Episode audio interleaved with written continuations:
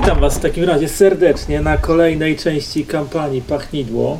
I zaczniemy od prezentacji moich graczy. Na pierwszy ogień leci Grimdark, który wciela się w rolę Ardryla Kiry, elfiego czarodzieja pochodzącego z zachodnich elfickich królestw, z miasta Iglit, którego największym marzeniem aktualnie jest zdobyć przepis i udoskonalić przepis na potrawkę z Manticory.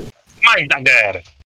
I ma, tak, i specjalizuje się w ciskaniu astralnych sztyletów prosto w czerep, a czasami potrafi komuś w logiczny sposób przetłumaczyć, żeby jednak zszedł naszym bohaterom z drogi, tak?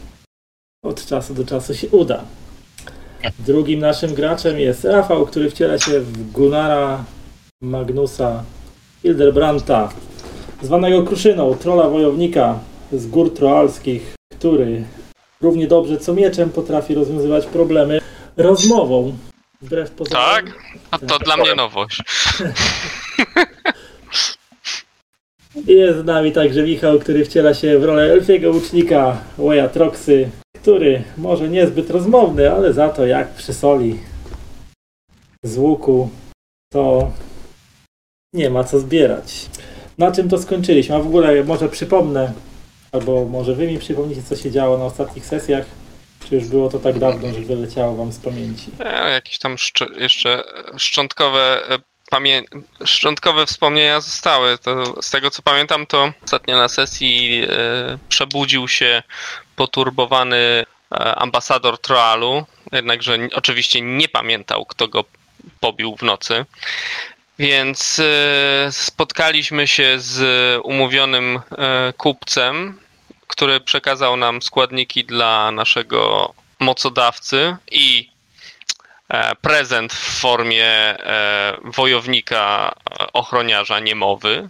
Po czym no, zebrawszy drużynę i znalazłszy odpowiedniego przewodnika, ruszyliśmy w drogę z Kratas do Troalu przez pustkowia i góry, nieprzyjazne tereny.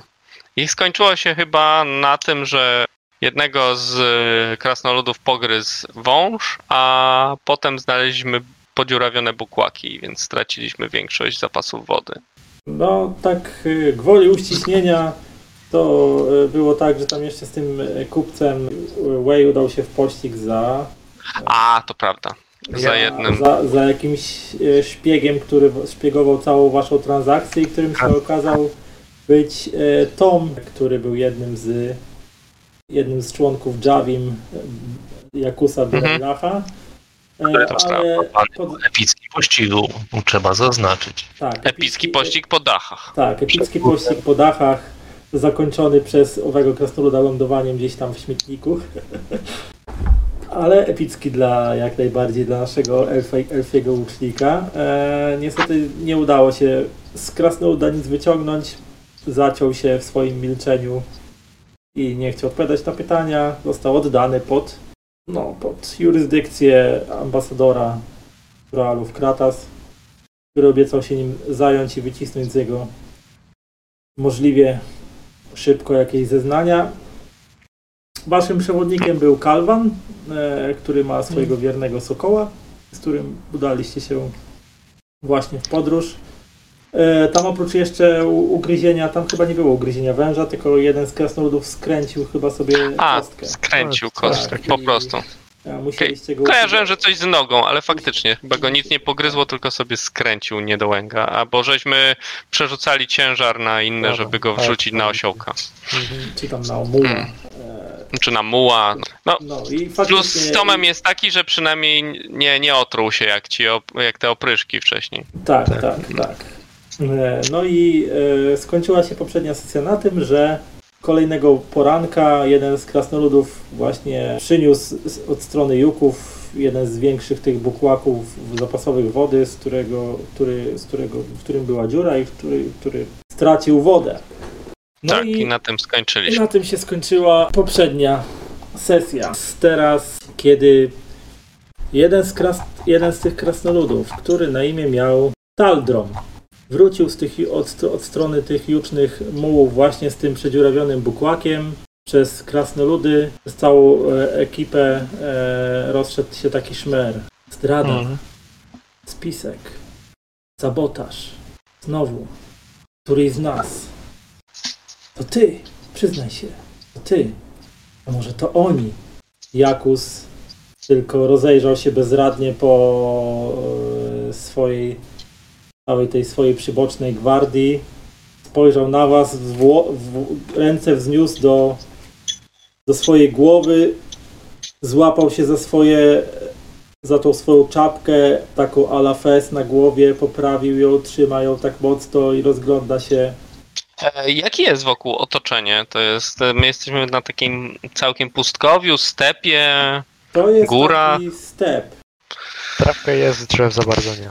No nie ma, raczej są krzewy, jakieś tam takie klimat, znaczy taki troszeczkę prawie, że półpustynny, może nawet troszeczkę mniej niż półpustynny, ale taki lekko pustynnawy, bo tutaj nie ma wszędzie, że zielenie, że zielenie, że trawy wysokie, raczej trawy takie pożółkłe, jakieś kępki krzaków, czasami jakieś porosty się przetoczą prze, przez trakt. Jest dosyć ciepło, ciepła pora roku, dosyć Szykuje się kolejny upalny dzień. Już mi znowu wyleciał z głowy. E, Taldrom, e, ten Taldrom e, trzyma ten bukłak, e, z którego woda dawno uciekła i patrzy się takimi jelenimi, sarnimi oczami w swojego no, przełożonego. I co my teraz zrobimy? No, Trzeba będzie racjonować tę wodę, która nam została i pewnie postawić strażę przy bukłakach na przyszłą noc.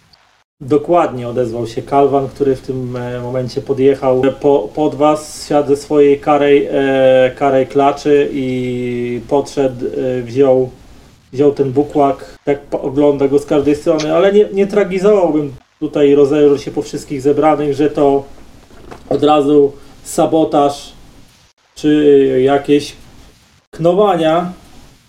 Uspokójcie swoje głowy, przygotujcie się do podróży. Tutaj takie rzeczy się, w stepie takie rzeczy się zdarzają, czy to dzikie zwierzęta, czy to słabość materiału. Ta, No to ta można akurat- bukłaku nie świadczy jeszcze o tym, że ktokolwiek ją tutaj przedziurawił. Jest zbyt taka poszarpana. To mogło być wszystko. Hmm. To, to mówiąc, y, oddał ten bukłak e, Taldromowi, który tak trzymał go, nie wiedząc co ze sobą chyba zrobić. Jakus tak się rozgląda po wszystkich. No dobra, trzeba będzie zacisnąć pasa, ale Hmm. Urrusie. Zwrócił się do tego łysego, wytatuowanego orka, który cały czas go nie odstępuje. Miej baczenie na nasze pakunki.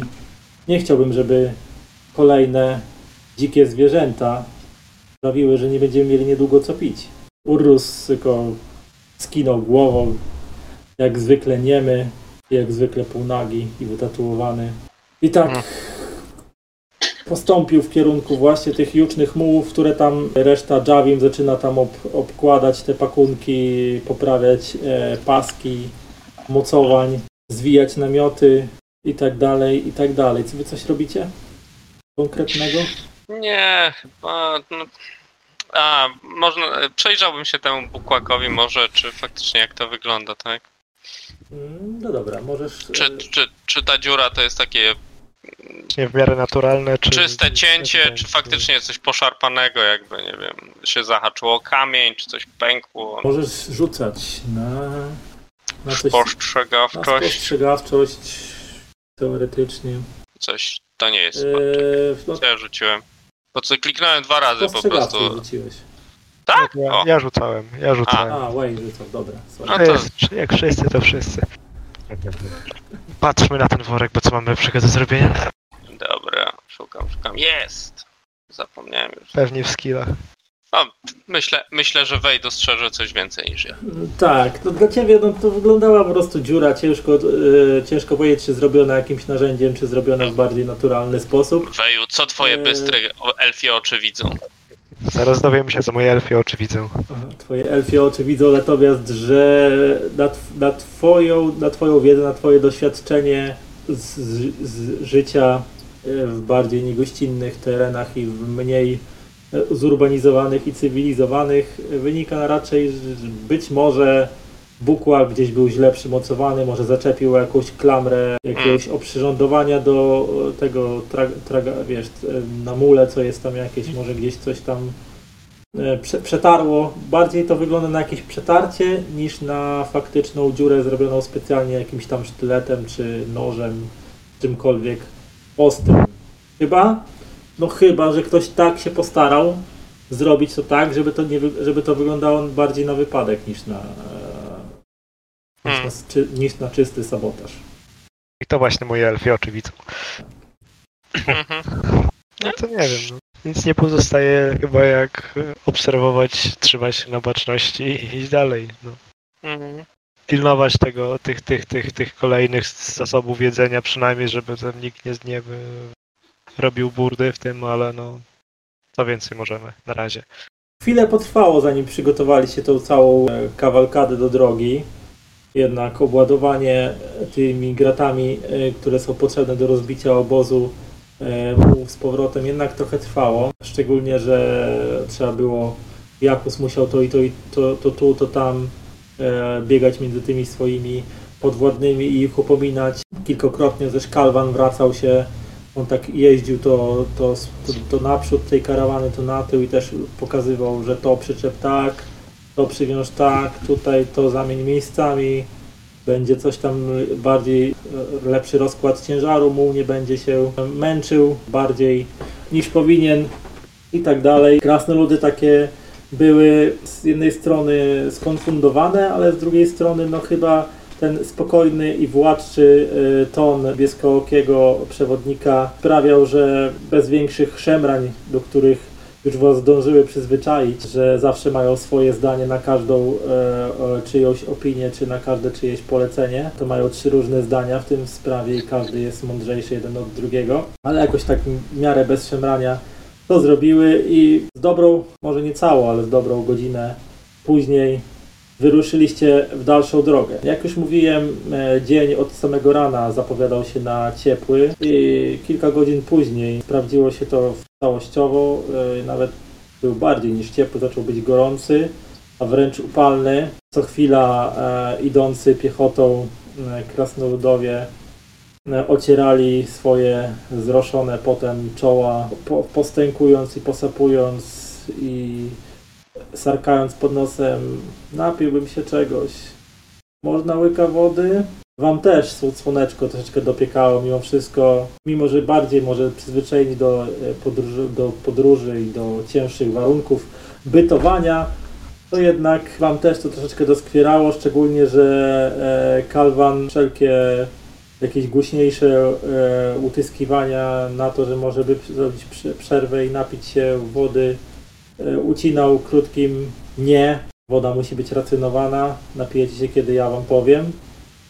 No i nawet Jakus nie wchodził w dyskusję z waszym przewodnikiem, który zdecydowanym krokiem, e, to znaczy zdecydowanym, zdecydowaną postawą wiódł was przed siebie. Im bliżej było południa, a nawet im bliżej było już godziny późniejsze niż e, południowa, tym robiło się goręce i tym bardziej zmieniał się też otaczający was e, krajobraz. Z takiego półżyznego, półzielonego stepu zaczęliście się coraz bardziej zagłębiać w rejony, które coraz bardziej zaczynały przy, przypominać skalistą e, półpustynię. Coraz więcej gdzieś porostów w dużych kłębach przetaczało się przez suche pobocza tego traktu. Coraz więcej widzieliście jakichś kolczastych krzewów e, czy kaktusów, które charakterystyczne dla właśnie takiego półpustynnego klimatu coraz częściej ujawniały się waszym oczom. W końcu po południu Kalwan po wielu godzinach forsownego, aczkolwiek niezbyt szybkiego marszu e, poz- pozwolił wam zatrzymać się na popas. Wtedy też, wtedy też pozwo- pozwolił sięgnąć do e, juków i racjonować wodę. Wszyscy karnie ustawili się w rządku, żeby dostać swoją porcję wody. Faktycznie za wiele jej w te kubeczki nie dostaliście. Kilka łyków, żeby zwilżyć usta, e, przepłukać spierzchnięte gardła. Wy też tam za wiele tej wody nie dostaliście, tak jak inni. E, Natomiast pozwolił też e, Kalwan chwilę odpocząć no i zjeść jakiś suchy prowiant pokroju suszonego, zasolonego mięsa, peklowanego wiktuału, który w takich właśnie podróżach się przydaje, aczkolwiek ostrzegał żeby nie jeść za dużo, ponieważ to wznieci pragnienie, którego i tak do końca nie udało się e, wam ugasić. Jeżeli chcecie więcej No wody, cóż. Nie, nie, nie, no cóż, no nie zawsze jest łatwo, no szlak bywał, bywał uciążliwy. jeżeli ale chcecie więcej wody, dobrze. jeżeli chcecie więcej wody, to, to chętny może ruszyć ze mną, powiedział Kalwan. Myślę, że przyda się wszystkim więcej wody, więc możemy ruszyć i przynieść jej po prostu. Może się, nie wiem, mamy jakieś zapasowe bukłaki puste? Jakieś wiadro, nie wiadro. Wiesz co, bukłaków Jak Nie wypiją. jej tyle, żebyśmy mogli napełnić bukłaki, ale trochę więcej wody mogę wam zorganizować, powiedział Kalwan. Pustynia ma swoje sposoby i ktoś, kto wie jak się w niej poruszać, potrafi sobie jeszcze pomóc. Więc kto Będą. chętny, proszę za mną. Dobra, ja chętny. Chyba. Na szczęście nie mamy tu skarków, ale tak, jak najbardziej. Krasnoludów tym e, lepiej się poczuje. Tak, Mhm. nas Mówisz, ten, te pesymistyczne podejście i marudne przyprawia cię o zły nastrój. No, nie, nie powiem, żebym e, był radosny w tej chwili.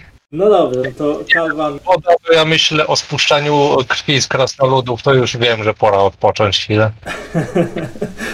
No tak, s- Kalwan e, zabrał was, kazał, nakazał Jakusowi oraz jego bocznemu ochroniarzowi, e, nie, e, niememu, łysemu orkowi przypilnować, żeby reszta krasnoludów za bardzo nie oddalała się od, od tego e, szybkiego obozowiska i machając na was ręką wskazał, żebyście się udali gdzieś tam bardziej z drogi, w głąb tego skaliście pofałdowanego terenu. Po kilku minutach e, znaleźliście się w kępach kolczastych krzewów poprzetykanych gdzieniegdzie e, jeszcze większymi kępami błyskających ciemną zielenią kolczastych roślin.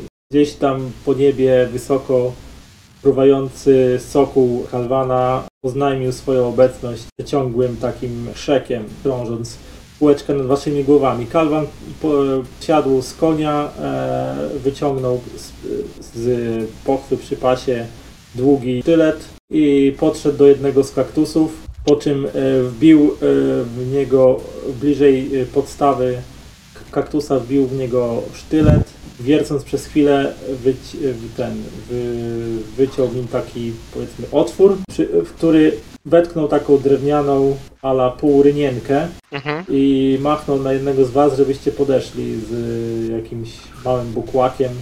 No dobra, jakieś tam naczynko podkł- podkładamy. Lekcja przetrwania według Kalwana. Powiedział, jeżeli nie macie wody na pustyni, szukajcie kaktusów. Za, za wiele widzisz, że jak tam z tego wydrążonego miąższu po tej małej rynience tak bardzo powoli pływają e, krople życiodajnej cieczy. Tak, zna moją znajomość, każdy kaktus się do tego nadaje. Wiesz co? No raczej nie przypominasz sobie, żebyś kiedykolwiek słyszał o trujących kaktusach. Okej, no po prostu. Wolę się upewnić, tak.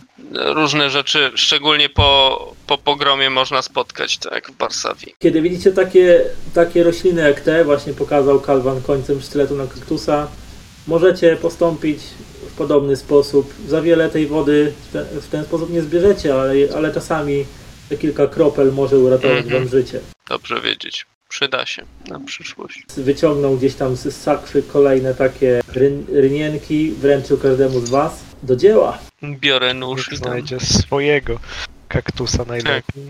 E, to Mindagger nie zadziała, tak? Nie, no. Możesz nie. próbować, tylko możesz za bardzo No wiesz, no, pokiereszować. e, uciekał nie będzie, więc trafić trafisz na pewno. Mindagger działa jak nazwa wskazuje na mind, no to może być problem. Zranisz go duchowo. tak. Będzie, będzie pokrzywdzony, ale Ale tak samo będziesz się duchowo mógł napić. coś w ten deseń.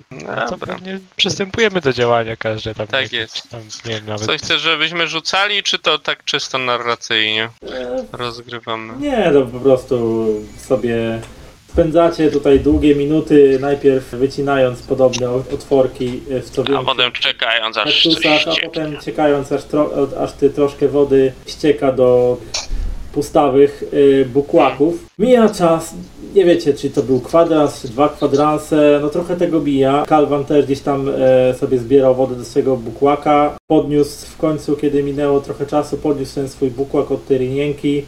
E, wlał sobie, wlał sobie te kilka kropel tego płynu do ust. Widzicie, że skrzywił się nieznacznie. Ostrzegam, nie jest to najsmaczniejsza woda na świecie, ale jak już mówiłem, potrafił ratować życie. Zakręcił sobie ten bukłak i przytroczył do, do pasa. W tym, e, w tym momencie gdzieś tam od strony obozowiska słyszycie jak się ktoś przedziera przez te, e, przez te chaszcze. Ktoś próbuje tej Mhm. wody z tego kaktusa? Tak. No Nie więc masz taki gorzka w smaku jest. Tak jakby, nie wiem, jakbyś zjadł ogórka, znaczy jakbyś obrał ogórka od nie tej strony co trzeba i taki, taki, taki po prostu gorzki, gorzki smak ma ta woda. Mhm. Wypada, wypada e, e, jeden z krasnoludów. E, chyba, chyba stary Spartos. Przynajmniej tak wam się kojarzy, chyba tak miał na imię, bo jednak te imiona tych kilkunastu Javim Jakusa wam się trochę mieszało. Mm, ale wypada zdyszany. Gdzieś tam o, o, o, w niektórych miejscach widać, że się gdzieś tam zahaczały go te e, gałę, gałązki kolczastych krzewów. Wypada ratujcie, ratujcie, pomocy. E, Co się stało? to Gulnir, Gulnir poszedł, nie posłuchał, poszedł w głąb, a teraz musimy go ratować. Za mną. Mm, Dobrze, no. A co się stało? No, opowiadaj po drodze. Psia krew przeklął Kalwan. Mówiłem, żebyście się nie oddalali do obozu i ruszył tam biegiem za, za, za krasnoludem. A co Robicie, idziecie za nim? Biegniecie? Tak, tak. Wiemy, tylko niech tam Tam- opowiada, co się dzieje. E, Zdyszany krasnolud, pokażę wam. E, Zdyszany krasnolud tam biegnie. Docieracie do, po paru minutach docieracie do obozu i przebiegacie obok niego i on tam w drugą całkiem stronę, nie, przeciwną stronę od was biegnie. Widzicie, biegnie, biegnie, biegnie i widzicie nagle e, tak staje i tak pokazuje, e, żebyście się za, za, zatrzymali, nie? Widzicie taką scenę, jak tam powiedzmy, że kilka metrów od niego biedny Gulnir już tak prawie że do, do pępka. Zanurzony jest w takim dziwnym mm, czymś, co wygląda tak jakby e, piasek, na którym stał, nagle zaczął być taki płynny, nie? I tak e, ten e, Sfartos tak pokazuje, pokazuje nogą. Gulnir szukał szukał miejsca, żeby się załatwić, no i wlazł za daleko. Gu, ten Gulnir, ratujcie mnie i tam się zaczyna szarpać i tylko tak, takie słuchajcie, takie blup, blup. Dobra. Mnie. Jak daleko on jest od nas? Znaczy, gdzie się jest granica tego, tego ruchomego Wiesz piasku? co? Ja wiem, na oko jakieś 6 metrów od miejsca, w którym sto, stoi Sfartos. E, gdzie niegdzie z tych ruchomych piasków wyrastały jakieś takie kar, karłowate krzaczki. Natomiast tak faktycznie ciężko ci jest ocenić, na jak dużej przestrzeni te e, ruchome piaski się rozciągają. Przecież Okej, powinniśmy mieć jakąś linę z tego, co pamiętam. najlepiej. Tak. E, No to Dobrze, ja napisałem. Co? Masz? Jak Ja mu też- nie sprawdzę. Gu, Gulnir, Gulnir tam, ratunku, ratunku, blup, blup i tam coś próbuje e, Nie ruszaj się. i już Stój tak spokojnie, im za- szybciej, za- im za- bardziej się ruszasz, tym bardziej, tym szybciej wpadasz. Jakby daj chwilę, zaraz ci jak rzucimy już jakiś mówisz, kawałek to już, liny. e, Krasnolud jest już prawie po pachy e, w tym, w, w tych Dobra, ruchowych mam- piaskach. Mamy tę linę pod ręką? Chyba mamy, no ja mam gdzieś Ktoś tam. miał, nie? Z nas chyba ma, tam jest li- długa lina. W zestawie była lina, Tak? tak mi się zdaje. Było 10 metrów liny z tego co kojarzę. No dobra, no załóżmy, że mamy tę linę, no to mu tam Pisze, który ma. co? Masz Adventure Skit w girze, to masz i linę. Mogę rzucić. Czemu nie? Jeden koniec. Drugi czekaj, czekaj, bo Wszyscy. Lepiej daj coś większego niż sam końcówkę liny. E, Weźmy jakiś tam, tam mieliśmy worek, także najlepiej jakiś worek, coś takiego wrzucić, żeby to było duże, żeby to było łatwo złapać, bo jak spudłujesz, Ewentualnie, się nie wiem, szarpać i e, ten. strze- ewentualnie e, strzelić tą, strzelić, Dobra. przywiązać do strzały i strzelić. Ja przy- już przywiązuję przestał taki- się ruszać, już ma prawie po, po barki, już prawie jest. Dobra, ja biorę tę linę, przywiązuję do worka, tam wrzucam tylko jakiś ten, cokolwiek, Kamieni na Żeby- tym. nawet jakiś Może. kamień, żeby to było po prostu większa powierzchnia, no i rzucam w jego kierunku. To. No dobra, rzuć, jak wyrzucisz jedynkę, trafisz go w głowę. A, trudno. Nie wiem, Strata. czym, deksem? Tak. Może być deksem. Dobra. Nie no, udało ci się. E, już tak e, krasnolud prawie po szyję w tym e, tego, e, tak, tak nieporadnie próbował sięgnąć tego, tego kamienia e, e, na tej, przy, przywiązanego do tej liny, tak łapie, łapie, łapie.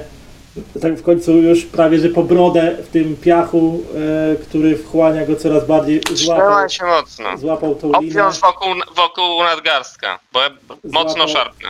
Tak, złapał tą linę i, i ten. I, i złapał, nie? Ale już, no już prawie, że po brodę już jest w tym piachu, No, więc musi... dobra, no ja zapieram się nogami i zaczynam ciągnąć go jak, jak E, ten, jak muł po Okej, prostu. jeszcze taka e, mała sugestia, czy próbujemy wykorzystać prawo fizyki i przywiązać to do czegoś i naciągać od boku, żeby na tyle się da od boku, żeby zmniejszyć potrzebną siłę do wyciągnięcia tego krasnoluda. Co, jak jest jakiś kawa- jak tam są jakieś krzoki, to nie, nie ma sensu, bo to nie zapewnia dostatecznie. Jak jest jakiś pod ręką jakiś kawałek drzewa czy coś, to Albo tak. płas jakiś ten Albo kamień taki, który nam nie przetnie konkretniejszy. No, No tylko pytanie, czy jest. Wiesz co, no tutaj jak głazy jakieś są, ale tak drzew to tak nie za bardzo. to Te głazy są ostre, czy raczej takie wygładzone przez piach? Takie trochę poszarpane. To nie będę ryzykował liny, to Nie po prostu co. ciągnę. Wszyscy we trójkę ciągnijmy Dokładnie. i już. No to rzućcie na siłę. Wielka, wielka moc. 5, 3 i Muszę. tylko we A, dwóch. nie, nie chcesz przykładać rąk. Dobra. O! O!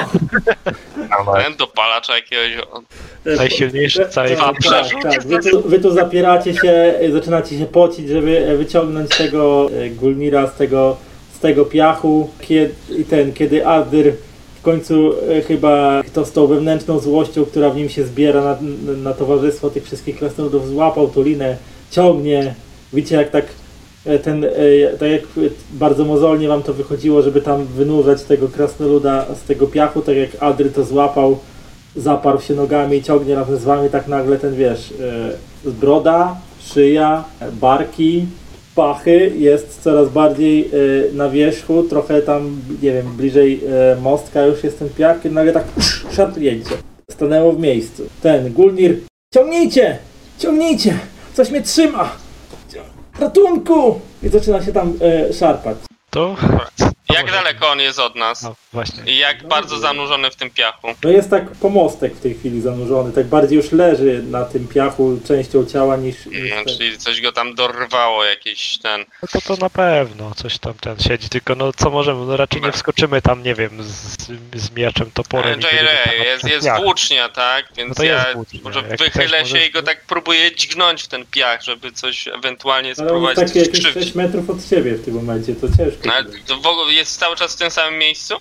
tak, To on go na nie razie- pociągnęliśmy w naszą on, stronę? On na razie, no tak może dobra, z pół metra, ale je, na razie to go wyciągaliście bardziej wertykalnie niż poziomo. No, raczej z łuku tam nie będę strzelał. Wielkiego sensu to nie ma. Adryl, spróbuj może, może astralnie go wypatrzysz. Właśnie. Może coś tam, jakaś bestyjka siedzi. Co, twoje, co, co twoje elfie oczy widzą? Grim, jesteś? No, e, sorry, co, co, co, co trzeba? Za, zasnął. Zasnął.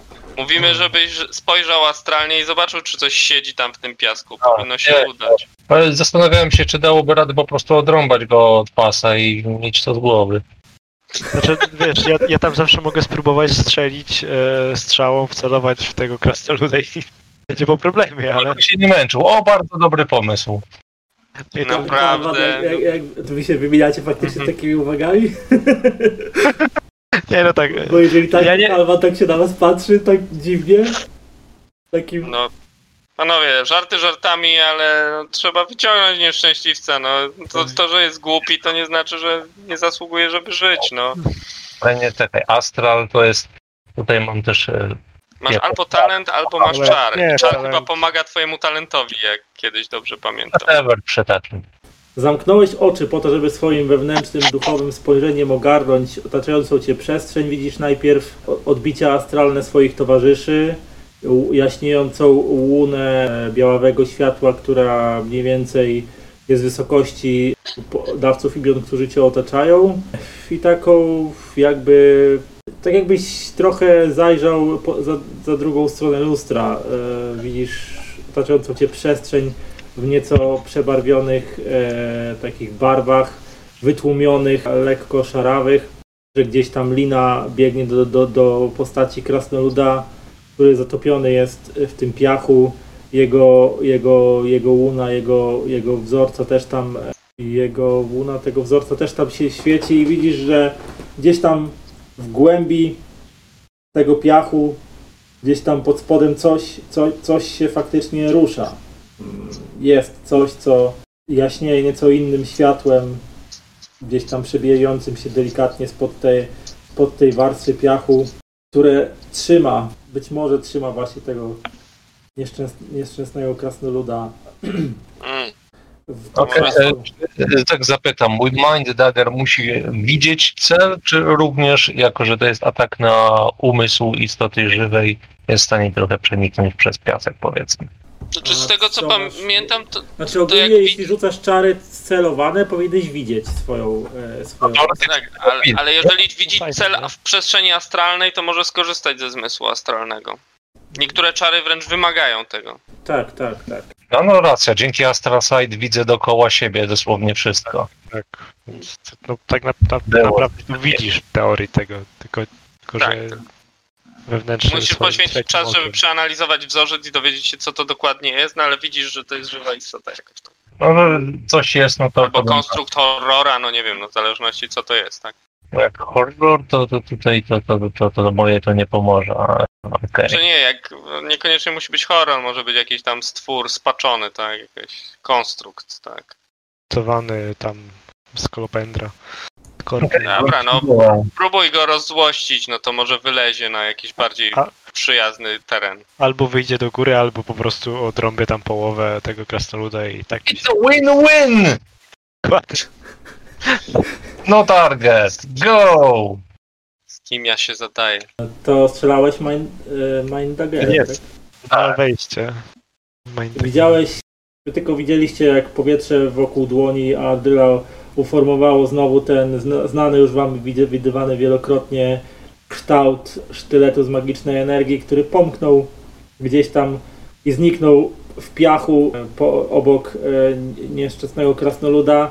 Ty w e, swoim astralnym spojrzeniu widziałeś, że światło magii, które, którą stworzyłeś, trafiło światło tego czegoś, co przytrzymywało krasnoluda i widzisz tak ten, e, taki nagle, widzicie jak piach tak zafalował wokół krasnoluda.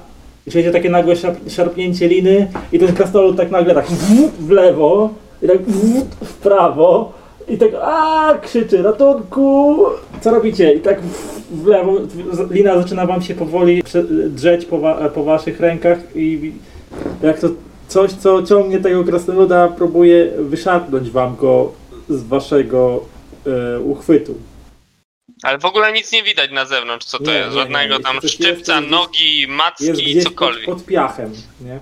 Dobra, ja się obwiązuję tą liną, zapieram nogami i tak jakby stawiam opór. A ty tam zbieraj dalej. Co? Dagger, to robię to, co robię najlepiej.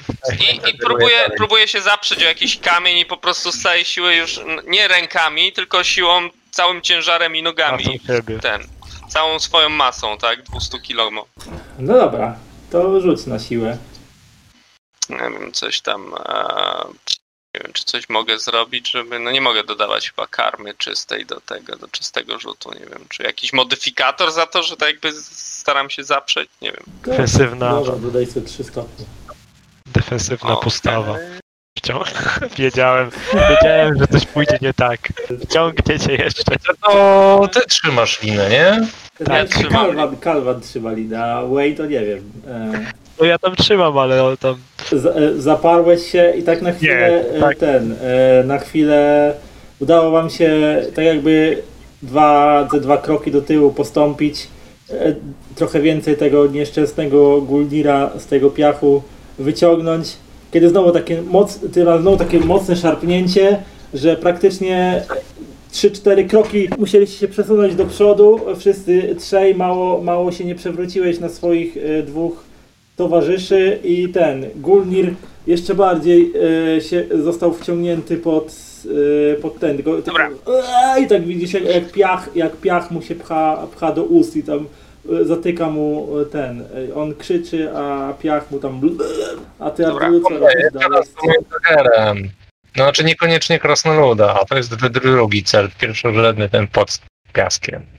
Wej, może spróbuj, nie wiem, jakby się coś wys wysunęło, czy coś No, przyszyć. mogę przygotować, prostu. przygotować Przygotuj łuk, się po prostu, bo łuk, tutaj... nakładam, Ten, a ja będę próbował szarpać tego biednego, wyszarpnąć tego biednego Ho, ho, ho, krasnoluda. ho, ho, no pięknie, to teraz jeszcze poproszę rzut na obrażenia. Okej, napędza mnie nienawiść. Masz, e, masz dodatkowy stopień sukcesu, więc. Okej. Plus dwa. E, Will plus 2. I tam, plu, tam Plus chyba normalnie dwa, masz czyli will plus will 2, plus i, cztery. czyli plus 4. Plus 4, czyli to na przytrzymanie dodaje czy normalnie później? chyba. Nie, od razu dodawaj. Od, razu. Nie, w- nie w tym, tym, bo Czyli to- 11. Te kostki. Tak, tak, tak. Uhu, hu, hu, hu. Tym razem y, gło, podniesiony, podniesiony głos Adryla, chyba który gdzieś tam z dołu coraz bardziej zły na tą całą sytuację, w którą się z wami wplątał, tą całą karawanę, w której chyba niespecjalnie chciałby wziąć udział. Widzicie, jak taki podmuch ciepłego powietrza uformował jeszcze większy sztylet, a może też bardziej miecz, który y, pof, pofrunął w ten piach. Pofrunął w ten piach y, i gdzieś tam wbił się obok krasnoluda w ten piach, gdzieś tam mniej więcej, przynajmniej wam się tak wydawało, że mniej więcej w miejsce, w którym powinno siedzieć to coś, co trzymało tego nieszczęśnika. Słyszeliście tylko takie jakby coś poczuliście pod nogami takie drżenie. Tak jakby coś, e, nie wiem, jakby ziemia lekko przemówiła na swój sposób. I widzicie, jak ten pia piach tutaj na promieniu kilku, kilku metrów zafalował. Krasnolud gdzieś tam na chwilę jakby zniknął pod piachem, ale po chwili gdzieś tam się pojawiły, pojawiły te mm, jego ręce, jego głowa.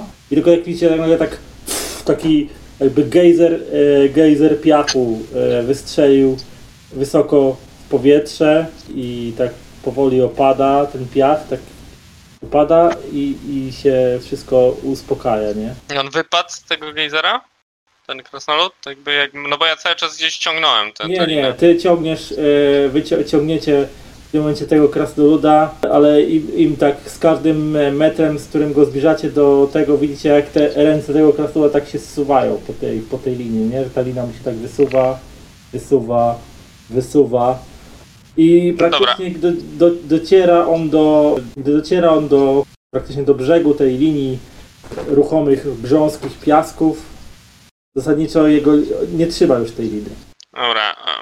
Nie dycha, jak rozumiem, czy dycha? Sprawdzam, czy oddycha, no. Czy, E, czy wiesz właśnie co, widać jakieś obrażenia? W jego plecach zieją dwa takie duże otwory, e, przez które zmieszana z piachem broczy obficie krew. Dobra, czy on oddycha? E, W tej chwili nie. Widzicie, jak ma porozdzierane spodnie i ogólnie poszarpane, poszarpane ubranie, jednego buta nie ma. Widzicie, jak po jego nogawkach ścieka ta krew ze stopy i, i wsią- wsiąka w piach. Gulnir! Gulnir! Ten, ten Swartos dopada do tego krasnoluda i łapie go. Gulnir! Obudź się! Gulnir! Popilnuję, żeby coś się nie wyskoczyło z tego piasku przypadkiem. Kalwan, Kalwan rzuca linę na ziemię i mówi, cholera, mówiłem, żebyście się nie oddalali od obozowiska. Dobra, to teraz pytanie, czy... Jak bardzo nie, nieżywy on jest? W sensie, czy jakbyśmy go e, namaścili tym...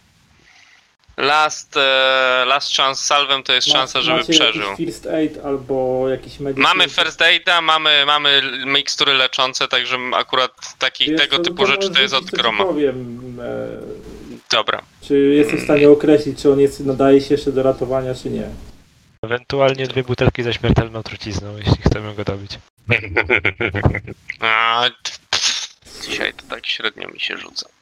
Konsekwentnie rzucam 5, niezależnie od tego, czym rzucam. Wiesz co, jak, Dobra, na, ra, ra, no. jeżeli jest, po, po, wygląda raczej na, na tak ciężko radnego, że chyba nie do odratowania. nawet y, przy pomocy maści ostatniej szansy. Mm, e, Chyba jest bardzo poharatany tam wewnątrz. Szkoda marnować dobyć. Gulnir! Gulnir! Tam krzyczy ten Swartos. Dobra, czyli nawet jakby się go opatrzyło i za, e, z, tak jakby zaaplikowało maść, to raczej to będzie za mało. Tak, jest za to bardzo co, co w tym piasku gdzieś tam żeruje, to chyba e, za bardzo go tam e, od środka. O, Garlin, pomóż. O. Niestety, no, tam, e, jak się nazywa ten krasnolud, który tam wrzeszczy przy nim? Swartos. Niestety Swarto, obawiam się, że Gulnir jest już poza naszymi możliwościami. Ten kalwan przykląkł przy krasnoludzie, odwrócił go na plecy, przytknął ucho do jego tego ust, y, sprawdza tętno i tylko pokręcił, pokręcił głową. Tą krępującą ciszę, która nastała nad e, zwłokami pierwszego e, członka karawany, który nie dotrze do Troalu, przeciął tylko przeciągły krzyk sokoła gdzieś krążącego wysoko w górze. Musimy go stąd zabrać, rzucił Kalwan. Tak. Takie pytanie, e, pytam się Kalwana, masz pojęcie co to było? Step to niebezpieczne miejsce. Hmm. Mogę e, rzucić na coś, czy ewentualnie wiem coś o jakichś bestiach, które tu krążą? Bo mam na wiedzę o dzikich zwierzętach z, z, z Sołszowskiej. Coś ci świta, że w stepie w niektórych właśnie pustynnych miejscach żyją pewnego rodzaju drapieżniki, które to jest taka odmiana inse, insektopodobnych stworzeń, które e, w, w mięsożernych, które żyją na bagnach. Też, e, tylko że na bagnach nieco inny e, e, rodzaj, takie lurkery, takie jakby, które krążą pod powierzchnią e, czy to właśnie bag, e, jakiś tam trzęsawisk, bagien, torfowisk nieraz, e, no i też czasami zdarzają się właśnie w okolicach właśnie takich ruchomych piasków, czasami robią same takie pułapki, które wyglądają jak ruchome piaski, ale aczkolwiek nie jesteś w stanie określić nawet jak wyglądają, bo nigdy się nie, nie spotkałeś, ale tak się wydaje, że gdzieś tam kiedyś ktoś w twojej wiosce opowiadał, a być może ktoś wpadł taką pułapkę i, i był ofiarą Barsaja jest pięknym miejscem, ale też potrafi być śmiertelnie niebezpieczny. Przynajmniej jedna gęba mniej do wykarmienia. Bardzo jesteście pragmatyczni, rzucił Paweł. Adryl, nie, to, to, to nie jest dobry moment. No co ci zawinił ten krasnolud? No, To Way powiedział chyba. a to... wo- A, a, to pardon. Wej. Nie, ale myślę, że akurat e, jego zdanie się wiele nie różni. Nie no, ale trzeba widzieć jakieś pozytywy w tym niepozytywnym zdarzeniu. Trzeba go pochować. No, na pewno nie będziemy go zabierali ze sobą do Troalu, no to, to Ale też nie możemy go zostawić tak po prostu, bo się zlecą jacyś podwinożercy. trzeba przynajmniej co, co najmniej zakopać, ewentualnie spalić. Nie wiem jak e, tam krasnoludy chcą, żeby jeden z nich był pochowany. W ziemi. Z tego co pamiętam. Tak by No, to akurat Łączność pasuje do krasnoludów. kamieni na kurhanik powinno się znaleźć. Ziemia To raczej też tak. później, powiedział Kalwan, ale nie ma innej rady. To bierzmy truchło i, i powiedzmy, że Kalwan załatwiać już go złapał tam pod pachę, więc ktoś mu może pomóc. Mhm. Ja go biorę ten. No, trzeba powiedzieć, że w obozie, żeby załatwiali się właśnie przy obozie, a nie szukali wygodnych, y, ustronnych miejsc. No, myślę, że po takim argumencie mało komu będzie się chciał jeszcze wybierać na jakieś dalsze piesze wycieczki. Wróciliście do obozu, e, kiedy, kiedy krasnoludy e, zobaczyły, że niesiecie nieruchome truchło e, jednego z ich towarzyszy. Wszyscy powstawali na równe nogi. Zaczęli tam rzucać, co się stało, co się stało. Gulnir! Patrzcie, to Gulnir! A no Gulnir. Swartos tylko podszedł do, jak, do Jakusa i tak ze spuszczoną głową. Widzieliście, że ledwo powstrzymuje, e, powstrzymuje łzy. Tylko pokręcił pokręcił głową i z takim zrezygnowaniem. No nic, no nie pozostaje nam nic innego jak po pochować Gulnira.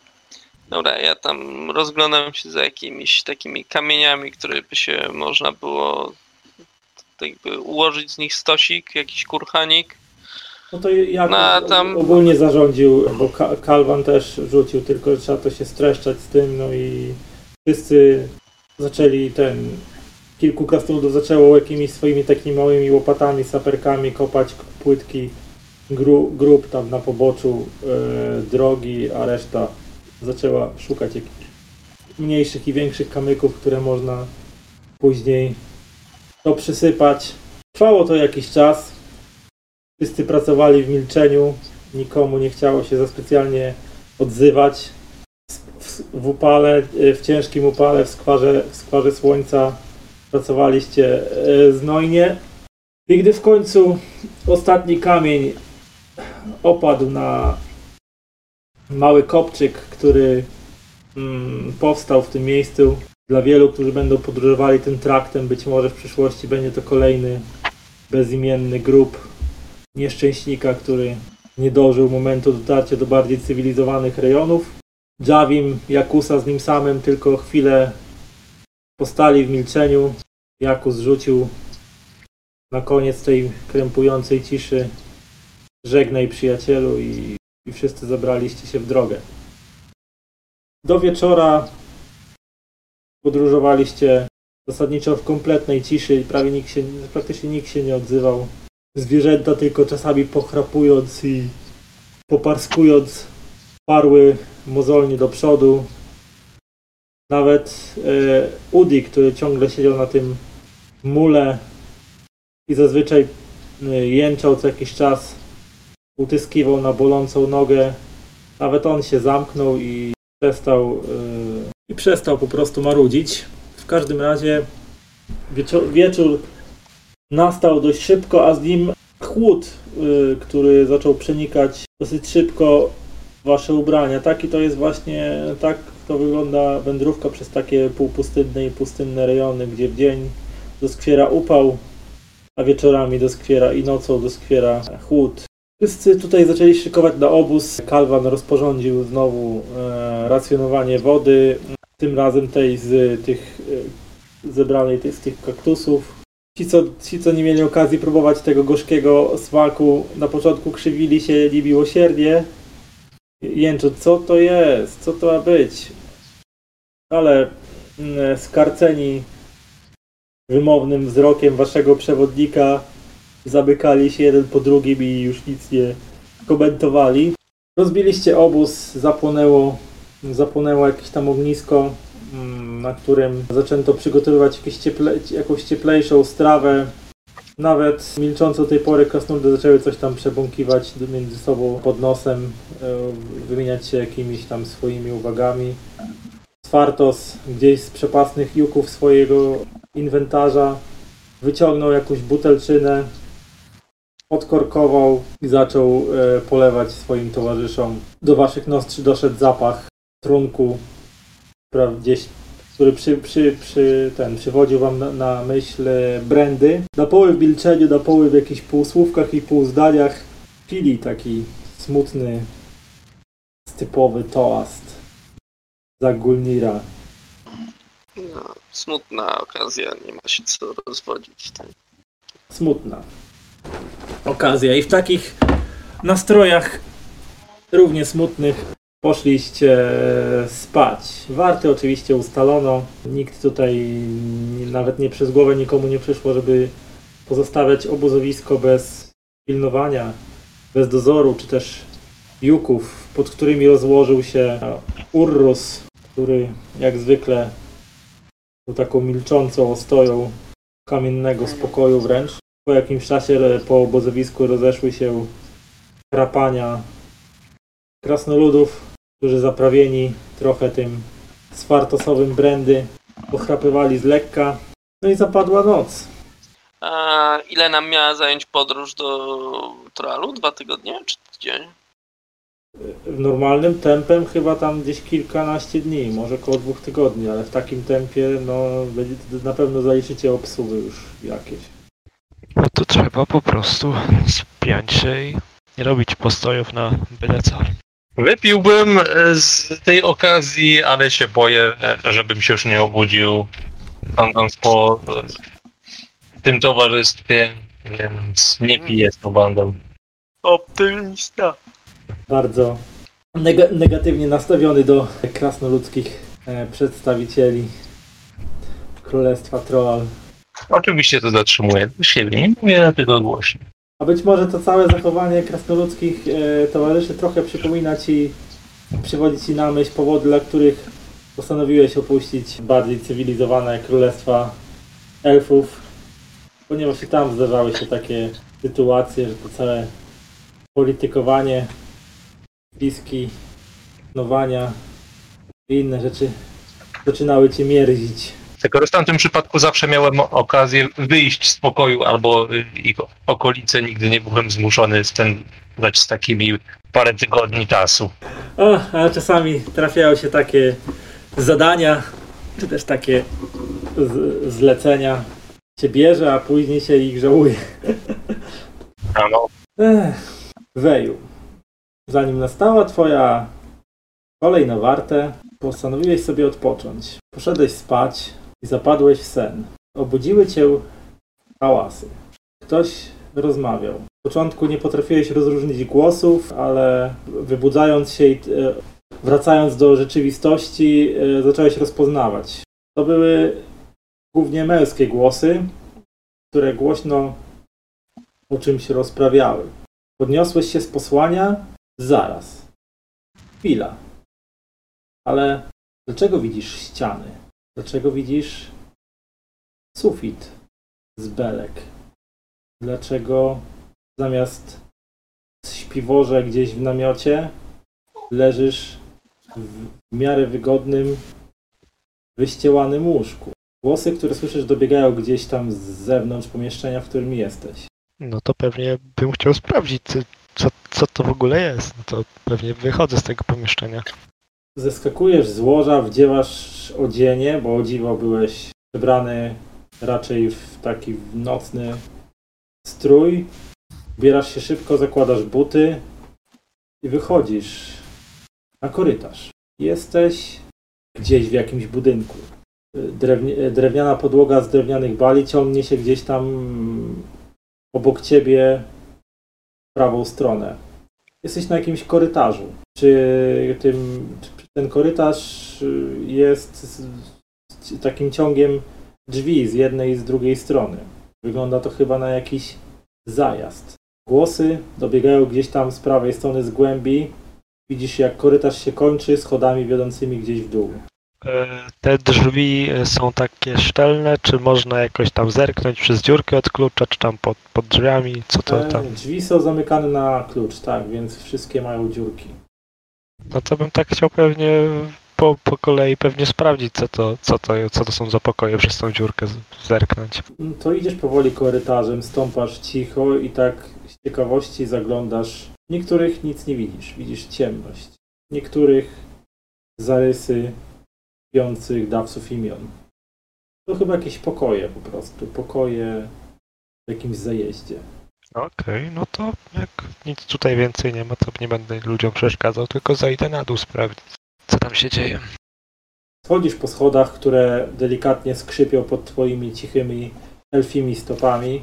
Widzisz, że wchodzisz na salę jakiejś, faktycznie to musi być jakaś karczma albo zajazd, ponieważ widzisz rzędy stołów i ław poustawiane.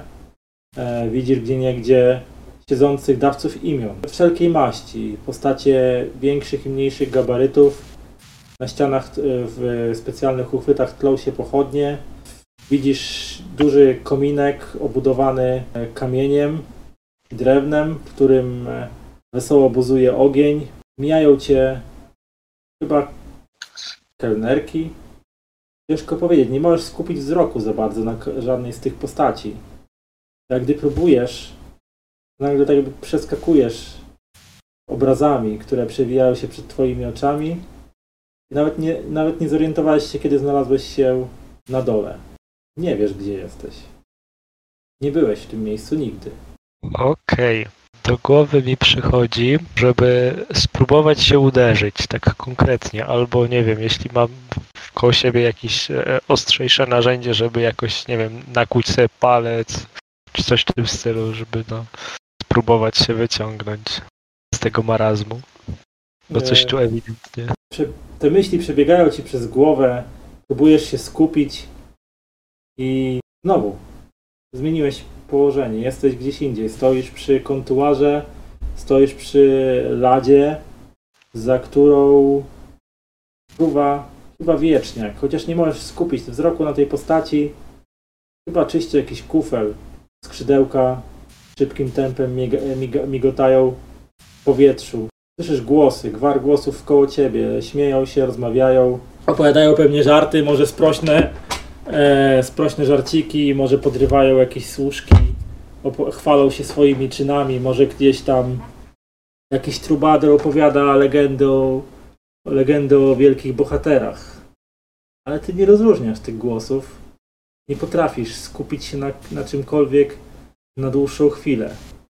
Słyszysz trzask otwieranych drzwi do sali. Drzwi otwierały się z trzaskiem, praktycznie uderzając skrzydłem o ścianę. W drzwiach staje postać, olbrzymia, ponad dwumetrowa. Słyszysz ciężki tumlut kroków. Tum, tum, tum. Naprawdę jest potężna. Być może troll, ale nie, za duży na trolla. Kanciasta bryła postaci zbliża się. Wbrew wszystkiemu wokół ciebie widzisz wyraźnie zielonkawe żyłki przebiegające na skórze postaci. Obsydianin. Szarawo, szarawa skóra poprzecinana właśnie takimi zielonkawymi i, żół, i złotawymi żyłkami. Gdzieś w głowie, w pamięci kołacze ci się, że tak, obsydianie miewają różne kolory. Zależnie od tego, z jakiej formacji skalnej pochodzi ich żywogłaz. Ale ty w życiu żadnego nie spotkałeś. A ten jest jakiś dziwny. Czujesz chłód. Postać staje przed tobą. Poglądasz w górę, przesuwając się wzrokiem po jego muskulaturze i zatrzymujesz wzrok na dłużej. Jego twarz jest jakaś dziwna. Właściwie on nie ma twarzy. Jego twarz przesłania czarna, niczym bezgwiezdna noc maska. Za tej maski poglądają na ciebie gorejące zielonkawe oczy. Wait, Roxa. Usłyszałeś w swojej głowie, ale wiedziałeś, że ten głos płynie właśnie od tej postaci. Wait, Roxa. No to mogę co najwyżej pewnie zapytać. Słucham, kim jesteś? Tym momencie olbrzymia łapa łapie cię za gardziel. Obsydianin momentalnie przyciąga cię swoją potężną, muskularną ręką do siebie. Widzisz jego gorejące, zielone oczy, które z góry patrzą się na ciebie. Wait, Roxa. Przyszedł czas. Gdy to mówi, widzisz, jak jego druga dłoń bierze do, do twojej twarzy czarną maskę. W momencie, w którym maska wylądowała na twojej twarzy, budzisz się w swoim namiocie. Chłód nocy przenika ci do szpiku kości, a może to nie był tylko chłód nocy. Spocony, oblany zimnym potem. Nastał czas twojej warty. Nie ma co wiele myśleć, tylko iść wypełnić swoją powinność. Mówiłem, żeby nie pić. A, te grzybki miały być dobre. Tak, nastała twoja warta. E, W nocy o dziwo nie doszło do żadnych nadzwyczajnych rzeczy. Nikomu nic się nie stało, nie było żadnych krzyków, nikt nikogo nie zamordował, nikomu nic nie zginęło. Najwyraźniej, tak było właśnie. Ponieważ ranek przywitał was kolejnymi promieniami słońca, które zwiastowały kolejny wspaniały, cholernie gorący dzień. Czas wyruszyć w podróż. Tego dnia przez większość czasu nic się nie działo. Aż do południa, oczywiście. Kiedy to jeden z mułów zaczął się przewracać. Zmartwieli krasnoludowie momentalnie otoczyli zwierzę, które z głośnym łomotem przewróciło się na jeden bok. Potem nieudolnie próbowało wstać. Próbowało wstać, wspierając się na jedno, na jedno kolano, potem na drugie, ale kiedy tylko próbowało stanąć na nogi, opadało z powrotem na cztery kończyny. Widzicie, jak zwierzę tak łypie takim rozbieganym wzrokiem na was. Jego chrapy rozwierają się szeroko. Widzicie, jak bierze hausty, hausty powietrza. Jakus podbiega do zwierzęcia. Zdejmijcie to z niego szybko, zdejmijcie! Zaczyna tam rozpinać wszystkie te tobołki, które na zwierzaku. Dajcie mu wody. Krzyczy do kogoś e, z, ze swoich towarzyszy. Jakiś tam krasnolud ściąga e, bukłak e, z, z tych tobołków i zaczyna tam wlewać temu mułowi w zęby. Życie ten, ten kopyt, to Kalwan przyjechał z czoła. Co tu się znowu dzieje? Przyjechał z czoła karawany i, i, pat, i patrzy się na, siedząc na koniu na całą sytuację. W końcu zeskakuje. Wy coś robicie? Znaczy, Nie znam, nie znam się na osłach, no coś, coś jest nie tak z nim, no. E, Kiedy Ewidentnie krasnoludy rozpakowały te, pościągały tego tobołki, Kalwan tak się przygląda na to wszystko. Jemu woda już nie pomoże. Końcem swojego sztyletu na jedno z kopyt. Pochwacił się. Na to jest tylko jedna. Jedno lekarstwo. Po czym odwrócił się i wskoczył na konia. No nic, powiedział Jakus, musimy przepakować to jakoś na pozostałe toboły. Ale wszystko się nie zmieści. Wiem o tym do cholery. Dobra, ja na pewno część mogę wziąć na plecy, tak, tylko takich mniejszych, to, to, to ewentualnie coś, jakieś mniejsze rzeczy, poręczniejsze, ja to część, sporą część myślę, że mogę zgarnąć na, na plecy, jak się to uda jakoś ułożyć, no resztę trzeba jakoś porozkładać między innymi, tak. Straciliśmy trochę wody, mamy odciążonego tego jednego osła, który niósł zapas wody. No chociaż tyle dobrego z tego wszystkiego. Dało się to, da, da się to zrobić. Ale to znowu straciliście na tym sporo czasu. Nie wszystko.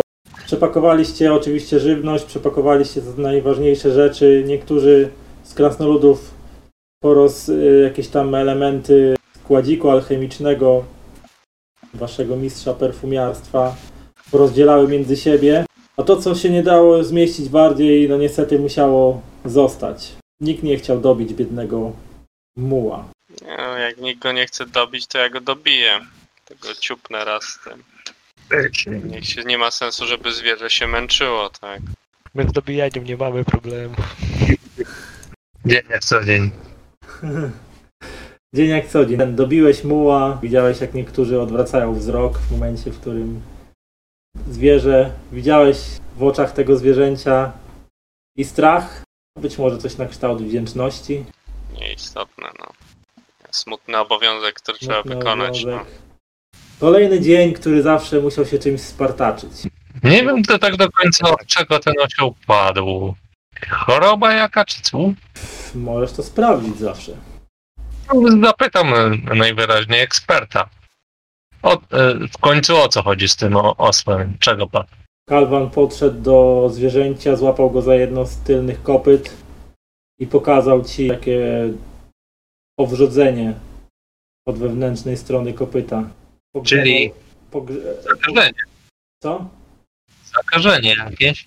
Wycio- wyciągnął sztylet, wbił go tam w, y, w kopyto i, i po chwili wyciągnął taki mm, kawałek ostry kamienia. Zdarza się czasami, że coś ostrego wbije się zwierzęciu w kopyto. Wtedy Ale powstaje, mięso jeszcze wtedy powstaje stan zapalny i tak zwane ochwacenie. Tak, Niestety, mięso. Ja myślę, myślę o kolacji. Tak, tak, mięso jest dobre. tak. Właśnie. Szkoda marnować. To jest bardzo dobry po- pomysł, powiedział Kalwan. Mu- z mułów można odzyskać trochę prowiantu. Chociażby Dzisiaj nawet jakiś tam... mam dla Was dobrą wiadomość, moi drodzy towarzysze. Dzisiejszego, dzisiejszego wieczoru nikt nie pójdzie głodny spać. Mam na to pocieszenie. No ale zawsze lepiej szukać jakichś plusów z zaistniałej sytuacji. Więc zgodnie z pomysłem naszego nadwornego kucharza, który w- we wszystkim widzi e, możliwość zrobienia potrawki, martwego osła oskurowano, oprawiono i wygarnięto z niego co smakowitsze kąski czerwonego mięsa. No i dzisiaj będziecie mieli, być może jeszcze nie tylko dzisiaj, ale i w kolejny dzień, będziecie mieli potrawkę z muła. Ja się nie zabieram do gotowania, bo jeszcze pierniczę wszystko. Próbuję spokojnej kuchni do tego. Kolejny dzień drogi i kolejne niezbyt pozytywne nastroje, mimo tego, że dzień kończyliście z pełnymi żołądkami, zapełnionymi mułem, nieszczę- znaczy mięsem nieszczęsnego muła. Mm. Sfartos z swoich juków wytoczył kolejną butelczynę krasnoludzkiej brandy, która zaczęła tam krążyć między chętnymi do spożycia. Rozwiązały się języki. Siedzicie tak e, przy tych płomieniach ogniska wieczornego. No i sam Sfartos właśnie, który tak częstował tym alkoholem, zwraca się do was z pytaniem a powiedzcie mi, mości panowie, byliście wy kiedy w Troalu? Mm, Nigdy. Czy moja postać była w samym Troalu? Wykowałeś się w górach Raczej nie. ale w Troalu nigdy. Ale nie, nie byłem w Troalu. Nie, nie słyszałem tylko opowieści mojego o, ojca o Troalu. Nie, nie, nie osobiście. Nie osobiście. No byłeś w Wielkim Targu, który jest w sumie rozłożony u wrót Troalu, ale w samym Troalu nie byłeś. A więc wie- Troal to wspaniałe miejsce. Tak wielkiego KR-u podejrzewam, że żaden z was na oczy nie widział. Wyobraźcie sobie 200 tysięcy dawców, a to wszystko pod wspaniałymi rządami naszego króla Walurusa III. A no prawda to nie ma nic piękniejszego niż nasze krasnoludzkie królestwo. Widzicie, widzicie, jak krasnoludy podłapały ten patriotyczny ton i zaczęły wtórować Sfartosowi w rozchwytywaniu się i, w, zachwyca, w zachwytach nad pięknem krasnoludzkiego królestwa.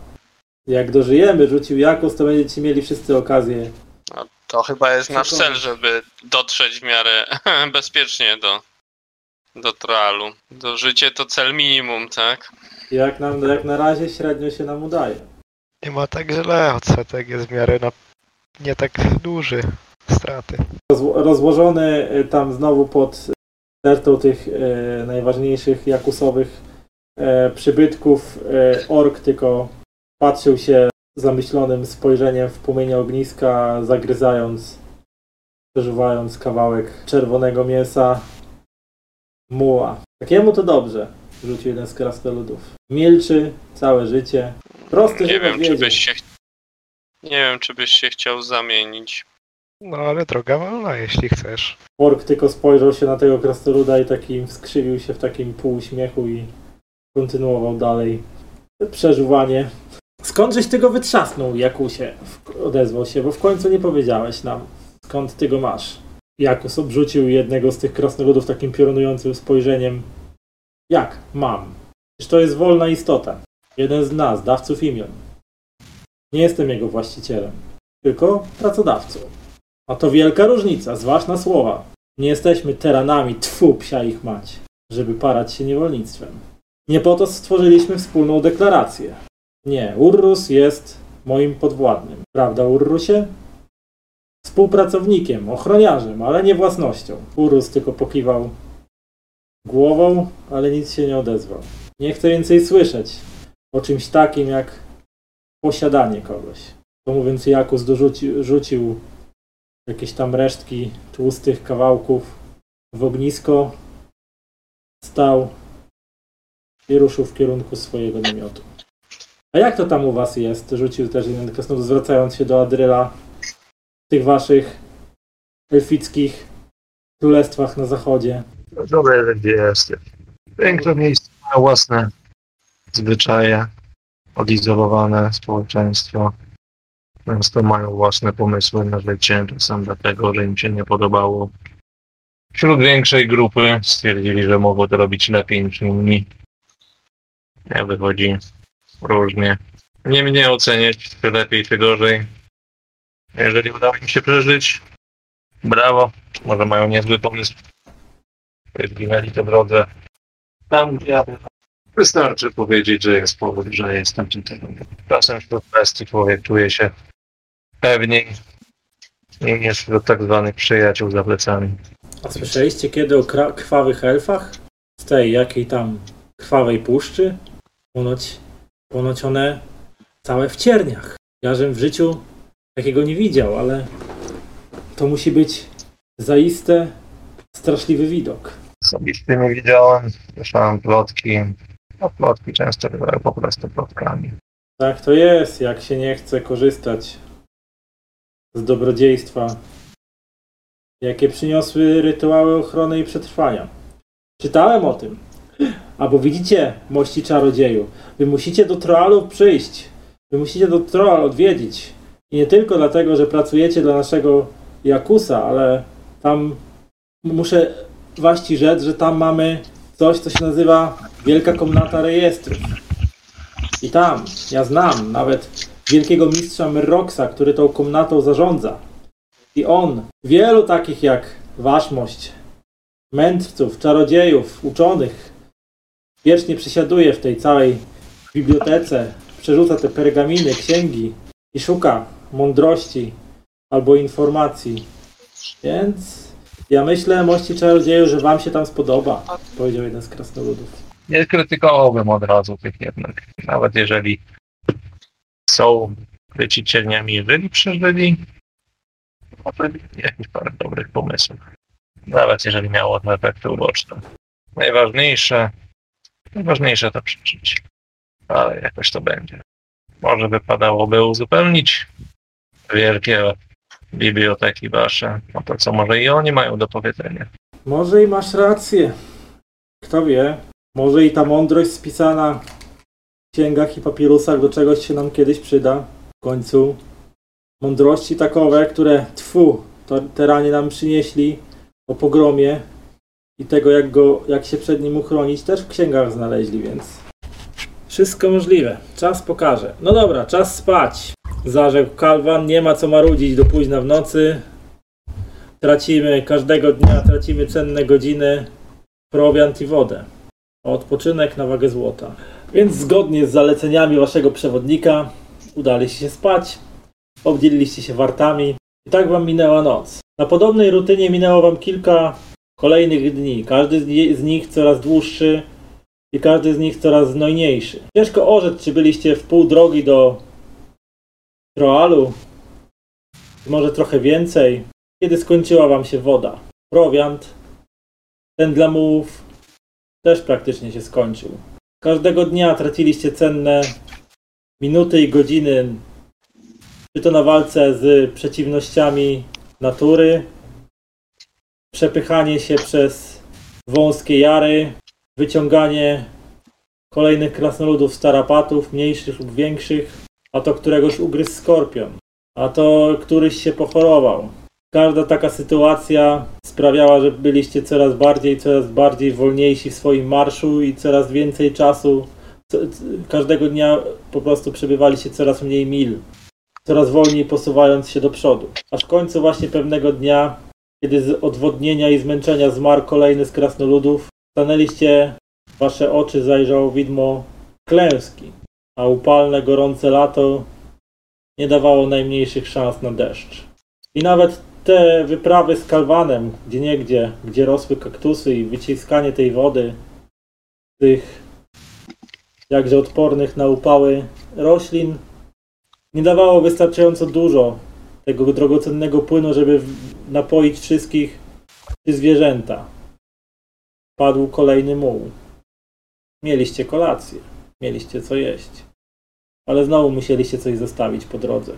I w końcu tego kolejnego dnia, kiedy już tak naprawdę w poczuciu bezna- beznadziejności całej sytuacji parliście powoli do przodu, Jakus zatrzymał karawanę i powiedział: Musimy coś z tym zrobić. Nie możemy tak dłużej. Po prostu iść, pod, iść, iść przed siebie. Kalwanie, czy wiesz, gdzie jesteśmy? Kalwan wyciągnął ze swoich juków przyrząd, który od czasu do czasu używał, żeby określać kierunek i kierunek marszu. Według moich obliczeń jesteśmy jakiś tydzień drogi od Królestwa Troalu. Ale masz rację, Jakusie. Jeżeli nie zrobimy nic, nie zdołamy do niego dotrzeć. Ale jedyne co możemy zrobić, to udać się na zwiat. Może gdzieś w okolicy płynie jakaś rzeka, jakiś strumień. Może gdzieś jest cokolwiek w tym pustym stepie, to mogłoby sprawić, że odnajdziemy jakąś wodę. Może jakaś oaza. Ale ostrzegam, jeżeli nie, nie, nie zyskamy, nie znajdziemy nic, stracimy kolejne cenne godziny, kolejne cenne krople wody i kolejne cenne łyki pożywienia. Ale jeżeli będziemy po prostu maszerować przed siebie, to na pewno za dzień lub dwa czeka nas powolna śmierć. Więc teraz, Jakusie, zwracam się do ciebie, powiedział Kalwan. Czy ryzykujemy z nadzieją na to, że uda nam się znaleźć jakąś wodę? Po prostu maszerujemy dalej, licząc na jakiś cud. Co wy na to? Co na to ty, Jakusie, i co na, co na to wy? Zwrócił się teraz do was. Jak dla mnie trzeba próbować szukać okazji, no bo jak tak ma być, że nic nie robiąc, mamy szpeznąć i tak, no to co mamy do stracenia? Rozwiadowca w stanie sprawdzić lepiej niż ktokolwiek na, na ziemi. Mieli zbyt wielki wybór, więc chyba nie pozostaje nam nic innego jak ryzykować. Jakus zdjął tą swoją czapkę i się tam e, drapie po głowie. Dobrze, rozbijemy obóz, a wy wyruszycie na poszukiwanie wody. A nie ma. Musimy podjąć to ryzyko, ponieważ nie mamy innego wyjścia. Musimy wrócić do Troalu, ponieważ całe moje badania pójdą na marne. Musimy wrócić do Troalu, żeby przeżyć. Też znaleźć wodę i dotrzeć do Troalu. Chyba, że jest tu jakaś inna osada po drodze, no ale rozumiem, żebyśmy skorzystali z tej opcji, żeby się zaopatrzyć tam. W tych rejonach raczej nie ma ludzkich osad. Znaczy ludzkich e, osad, dawców imion. Rzucił Kalwan. Zdarzają się czasami plemiona nomadów, które wędrują po tych stepach. To tu, to tam. Jeżeli będziemy mieli szczęście, może natkniemy się na takowych. Szczęście albo nieszczęście, I nie- i nie możemy będą- trafić na orkowy no- nomadów. I nie będą, nie będą oni wrogo nastawieni. No właśnie. Ale w sumie nie mamy wyboru. Lepiej zginąć, mając Próbując. w perspektywie śmierć od ostrza niż śmierć z odwodnienia. Przynajmniej ja wolałbym umrzeć w walce zamiast konając gdzieś na słońcu. Zdecydowanie też jestem tego zdania. Jak chcecie, zdejmiemy Yuki z któregoś z mułów i w razie czego ewentualnie może wam posłużyć jako tragarz dla bukłaków z wodą, powiedział Jakus. Skoro i tak obozujemy teraz, to, to nie, nie byłby raczej problem, więc możemy tak zrobić. No to do roboty. Jakus i pozostałych 10 krasnoludów, no dobra, 9, bo Woody cały czas cierpiał mm, na tą swoją nogę, która za specjalnie jakoś nie chciała się dobrze e, goić przez ten czas. Mm, no i do, jeszcze, jeszcze Urrus, ochroniarz Jakusa, zabrali się szybko, żwawo do roboty, rozbijając obóz. Kalwan, pojedziemy tam, wskazał na południowy wschód. Najpierw tam, Myślę, że godzina, max dwie drogi od obozowiska. Jeżeli czegoś nic nie znajdziemy, będziemy zataczać koło. W końcu na coś powinniśmy trafić. Przynajmniej niech pasje trzymają nad nami swoją pieczę, żebyśmy w końcu coś znaleźli. Twój sokół niczego nie wypatrzył z góry? Sokół sfrunął z wysoka i siadł mu na ramieniu. Gdyby coś wypatrzył poza czymś więcej niż jakimś dzikim zwierzęciem, to bym o tym wiedział. Rozumiem. I wzbił się znowu, ten ptaszysko znowu wzbiło się, głaskał je tylko po głowie i ten... No tam skrzeknęło cicho, ale też już po, nawet po, po ptaku widzieliście, że już jest taki, pióra ma takie wypłowiałe i taki trochę był nieswój. I Kalwan oddawał ptaszysku przez drogę też swoje racje wody, ale kiedy te się zaczęły drastycznie kurczyć, to i Sokół niespecjalnie miał co pić. Wcześniej przez drogę zdarzało się, że Sokół polował sobie jakiegoś królika, to czy jakieś inne zwierzę, żeby zjeść, ale później z tym było krucho, więc przewodnik wasz dzielił się ze zwierzęciem zarówno jadłem, jak i napitkiem. Ale powoli te się skoń- kończą i tak pan, jak i jego zwierzę skończą marnie, jeżeli czegoś nie znajdziecie. Rozkulbaczono tego jednego muła, wręczono wam lejce, żebyście go prowadzili. No i Kalwan wziął swoją klacz czarną. Ruszyliście w step. Minęła godzina, półtorej godziny kluczenia, badania jakichś śladów, szukania ścieżek między jakimiś parowami. I w końcu, po może jakichś dwóch godzinach od opuszczenia obozowiska Gdzieś na horyzoncie, w pewnym zagłębieniu, zdawało wam się, że widzicie ruch. Wasze elfie oczy, twoje Weju i twoja Ardrylu, dostrzegają, że faktycznie gdzieś tam kawałek drogi od was roz, rozłożyła się, nie wiem, obozowisko, niewielka osada. Kręcą się po niej postacie ubrane e, w takie jakby turbany na głowach, coś ala beduini, są rozstawione namioty. Jest tutaj jakaś coś jak wioska. Widzicie, że raczej składa się z ludzi. Im bardziej bardziej się do tego miejsca zbliżacie, tym widzicie, że po środku tej wioski jest coś, co wygląda jak konstrukcja studni. Ze starym drewnianym żurawiem, którego o, o tej obsypanej e, kamieniami cembrowiny otwór po prostu studni wy, wykopanej w środku tego obozowiska. Wokół niego też kręcą się kręcą się ludzie. Wyglądają generalnie na Nomadów jakichś wędrownych. Ja bym, ja bym osobiście jakoś bezpiecznie chyba próbował spokojnie podejść, wpatrując co to za zgromadzenie. Czyli podchodzicie, tak? No tak spokojnie, troszkę może powiedzmy unikając, unikając tam bardzo otwartej przestrzeni na ile się da, żeby po prostu podejść jak najbliżej, nie, by, nie być wykrytym, a zobaczyć lepiej co tam, co za zgromadzenie się zaczęło. Zbliżacie się do, powoli do tej do tej wioski, ale was również dostrzeżono.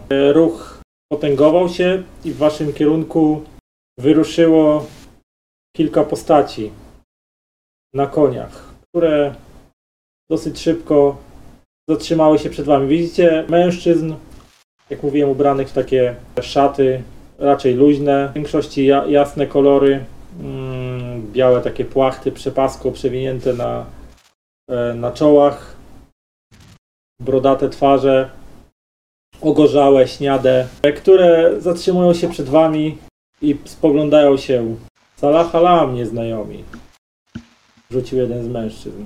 Kim jesteście i czego chcecie? Takim łamanym troalskim. Jesteśmy podróżnikami, szukamy wody. A skąd podróżujecie i dokąd, jeśli można wiedzieć? Zmierzamy do Troalu. Wyruszyliśmy z Kratas dwa tygodnie temu. Niestety po drodze natrafiliśmy na kilka przeszkód i nasza, nasze zapasy skurczyły się szybciej niż, niż podejrzewaliśmy, niż zakładaliśmy. Jak mężczyzna tak się e, pochylił w siodle i tak się wam przyjrzał. Tak, we czwórkę podróżujecie? Ilu ich tam jest? Wielu. Znaczy tutaj to jest tak ze czterech, ale tak w wiosce to wielu. Nie, nie, jesteśmy, tak jakby wyruszyliśmy na, w poszukiwanie wody, a nasi towarzysze pozostali jakąś tam kilka staj za nami. A czego chcecie w Troalu? Wracaliśmy, e, wracaliśmy, w zasadzie nasz mocodawca wracał do domu. Do domu? Tak, Tak pochodzi z spojrzał. Troalu. Tak się spojrzał.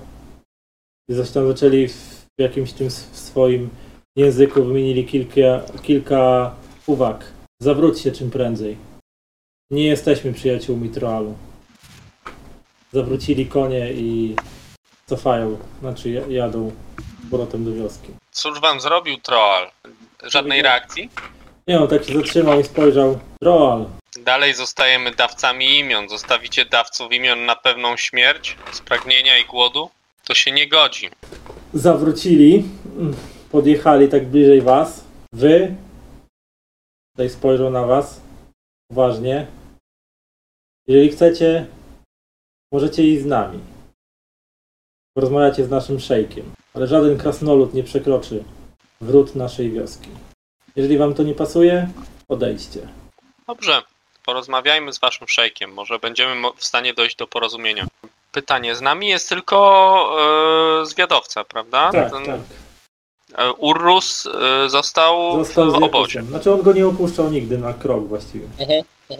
Ruszyliście ze zwiadowcami, wjeżdżacie do wioski, widzicie, że wioska jest taka no, nomadzia na pewno, ponieważ nie ma tutaj nic takiego bardziej budynków jakichś drewnianych czy czegokolwiek, są tylko namioty, większe, mniejsze. E, Dużo mają e, widać koni. Są, jest ta studnia, która rzuca wam się w oczy e, na której widok dodatkowo jeszcze pieszną wam i tak spieszknięte wargi, ale studnia jest strzeżona przez kilku e, nomadów, którzy większość z nich ma takie zakrzywione, sza, uzbrojone jest w takie zakrzywione szable. Wiodą was do centrum wioski, gdzie wznosi się wznosi się największy z namiotów. Siadają z koni i ten jeden mężczyzna, który z wami rozmawiał, e, gestem ręki wskazuje, żebyście szli za, szli za nim. Idziecie? Tak, tak, tak. No chyba. Idziecie, widzicie jak tutaj kobiety i jakieś dzieci też e, są w tej wiosce, że one tak przystają i się wam przyglądają z daleka, wymieniając jakieś e, też, są, obrzucając was ciekawskimi spojrzeniami. Niektórzy się uśmiechają, coś tam wymieniają uwagi, pokazują coś sobie palcami. Nie rozumiecie, e, co mówią, bo to jest jakiś tam ich język. Zdążacie w, w kierunku największego namiotu. E, dwóch strażników, którzy stało przy wejściu, rozchyla poły tego namiotu i możecie wejść do środka, gdzie jasne, jasne światło słońca e, sprawiło, że przez chwilę musieliście się przyzwyczajać do nieco ciemniejszego e, wnętrza, ale po chwili widzicie, że namiot jest naprawdę obszerny. Sporo jest tu tych nomadów, którzy siedzą w, na takich siedziskach wokół mniejszych jakichś tam ognisk, w których e, pyrkoczą jakieś, jakieś dania a w środkiem wiedzie takie przejście wyścielane czerwonym, wzorzystym dywanem, a na końcu mm, tego mm, na końcu tego namiotu na takim podejście obsypane jakimiś poduszkami, zwojami materiału e, na takim siedzisku otoczony przez uzbrojonych strażników. Siedzi mężczyzna w kamizelce, w kolorowej takiej wzorzystej kamizelce, bufiastych, bufiastych spodniach, e, ciemnobrody, tak samo ogorzały jak jego pobratymcy. W jego brodę są takie wplecione takie koraliki i złote takie obrączki e, zdobiące jego, jego ten zarost, e, dosyć bujny. Jakieś złote, widzicie, kolczyki e, w uszach palce, dłoni poozdabiane w jakieś sygnety i, i pierścienie, e, który siedzi tak trochę tak rozwalony na takim e, zdobionym zydlu i, i wymienia się uwagami z jakimiś, e, z jakimś jednym ze swoich podwładnych. E, stoją tam też kobiety, które nalewają mężczyznom wino do, czy jakieś inne napoje do z dzbanów, do, do pucharów. Widzicie, jak ten, obrzucają was ciekawskimi, może trochę takimi szyderczymi spojrzeniami, kiedy stajecie u szczytu tego, powiedzmy, że tronu, na którym siedzi ów szejk. To zapewne to właśnie on. Z mężczyzna staje przed wami, ten, który was prowadził, odwraca się do, do tego szejka, który zwrócił już na was swoją uwagę i przygląda się wam badawczo. Tamten mężczyzna kłania się nisko i mówi Władco nasz, oto obcy, którzy chcieli skorzystać z naszej studni. Zwraca się do was, a to Salah Ahmalik, An-Nasir ibn Shazi, władca naszego plemienia. Skłaniam się tak jak potrafię najładniej. Pewnie nie najpiękniej, no ale ten zaszczyt poznać. e, siedzący na tym tronie mężczyzna staje.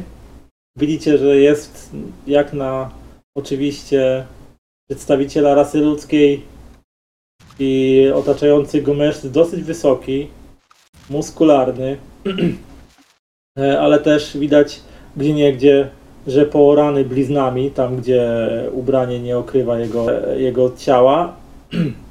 Obrzuca was uważnym spojrzeniem, spoglądając każdemu z was w oczy i świdrując wzrokiem przez chwilę. Tegoż to jakież to niepomyślne wiatry zawiały was w tę stronę, odpowiedział płynnym troalskim. Nie wiem, czy któryś z elfów tutaj e, spojrzenie na Ardryla, który chyba jest bardziej jednak reprezentacyjny chce przejąć O, okej. inicjatywę. Uchy, wie, kiwnięciem w jego głowę od, oddaję mu pałeczkę.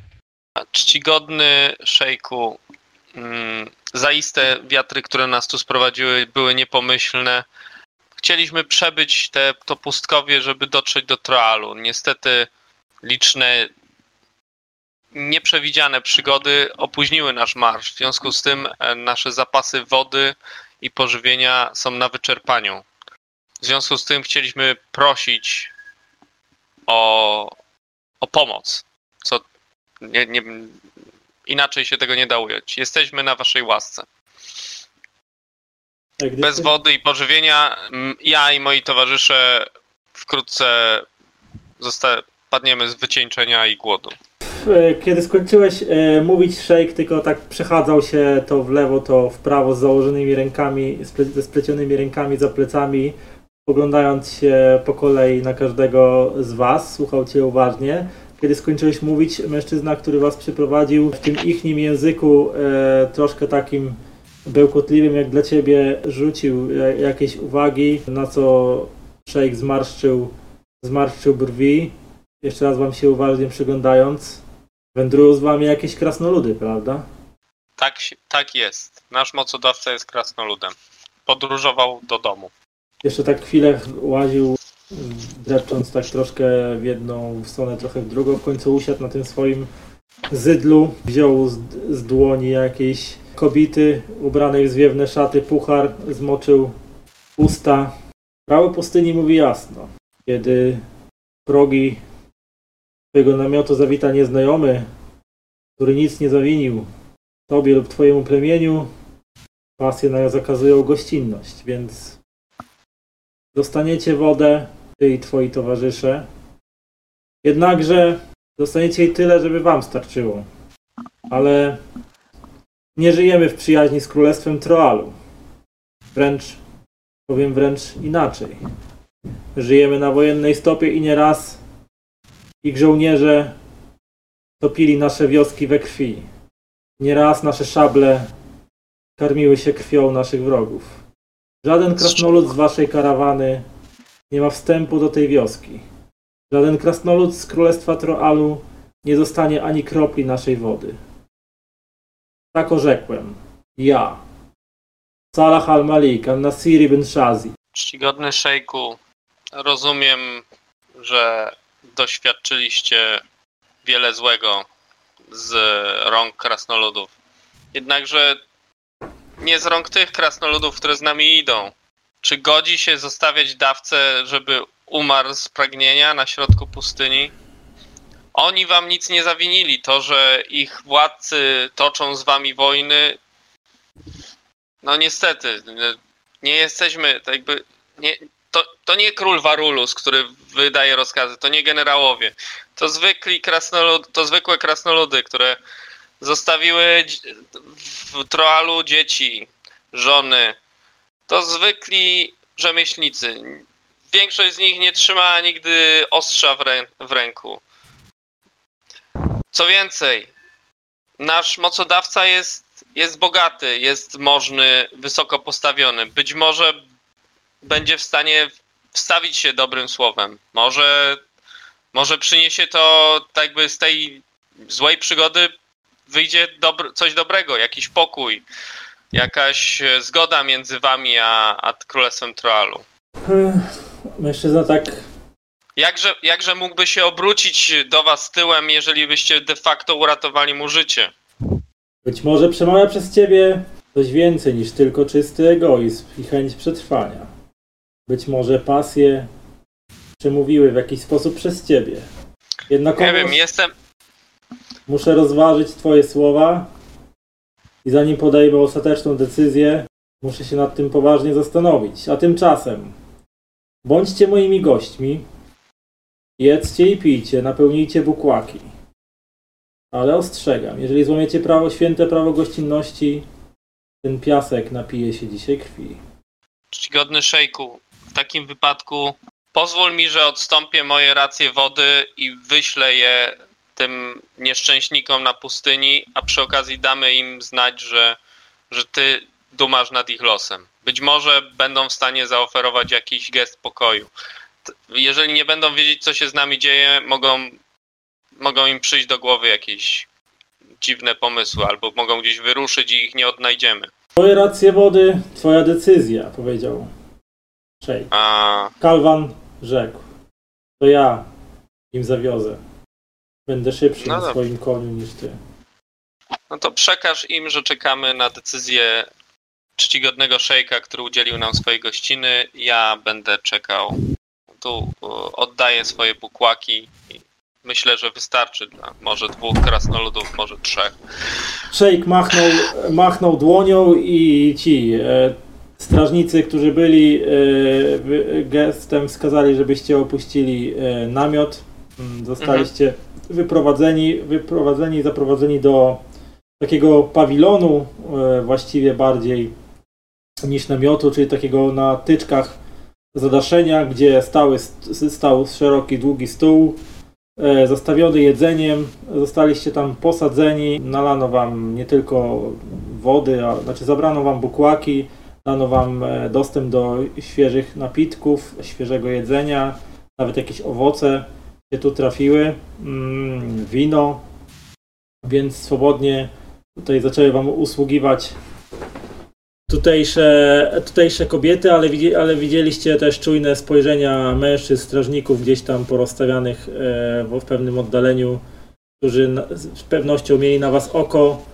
E, widzieliście jak te bukłaki zostały tam zebrane pod studnie, gdzie pozostali nomadzi napełnili je wodą, przynieśli te, które były dla e, Weja oraz Adryla, e, zostały przyniesione właśnie im. A twoje bukłaki, zgodnie z twoim życzeniem, wziął Kalwan, załadował na... Ja jeszcze, mhm. jeszcze zanim Kalwan wyruszy, to. A Kalwan, pogadaj z. Jak się nazywa? Jawi, Jawim? Jakus. Nie, Jawi to są ci, Jakusem. A może będzie w stanie, nie wiem, im coś obiecać. Jest w końcu dość wysoko postawiony na dworze troalskim. e, Może będzie w stanie coś zaoferować tym ludom tutaj. Co, niech zaoferuje jakiś gest dobrej woli ze strony krasnoludów. W przeciwnym razie może się to marnie skończyć. Czekamy na twój powrót. Kalwan skinął głową, załadował swoje bukłaki i twoje na wierzchowca. Skoczył na niego, oczywiście tam wcześniej sobie coś tam łyknął, szarpnął Mhm. jakiegoś jedzenia, żeby e, trochę sił więcej nabrać i, i ruszył cwałem e, w kierunku, z którego przyszliście. Mijały godziny. Mijały godziny, jedna, druga, trzecia, czwarta. Zdążyliście się już porządnie najeść. Napić. Ja nie jem nic.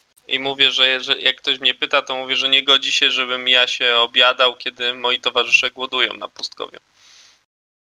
No to ty nie jadłeś, reszta twoich towarzyszy zapewne chwapliwie korzystała z możliwości napełnienia żołądka i nawodnienia się, czy, czy, tudzież nawinienia się i, odpo- i odpoczęcia. E, widzieliście, że poza tym, że oczywiście cały czas mia- miano na, mają na was baczenie, to e, wioska żyje swoim życiem, dzieci się bawią, kobiety tam pracują, mężczyźni też coś tam robią, e, a to się gdzieś jacyś tam przyjeżdżają z jakichś patroli, pewnie e, inni wyjeżdżają.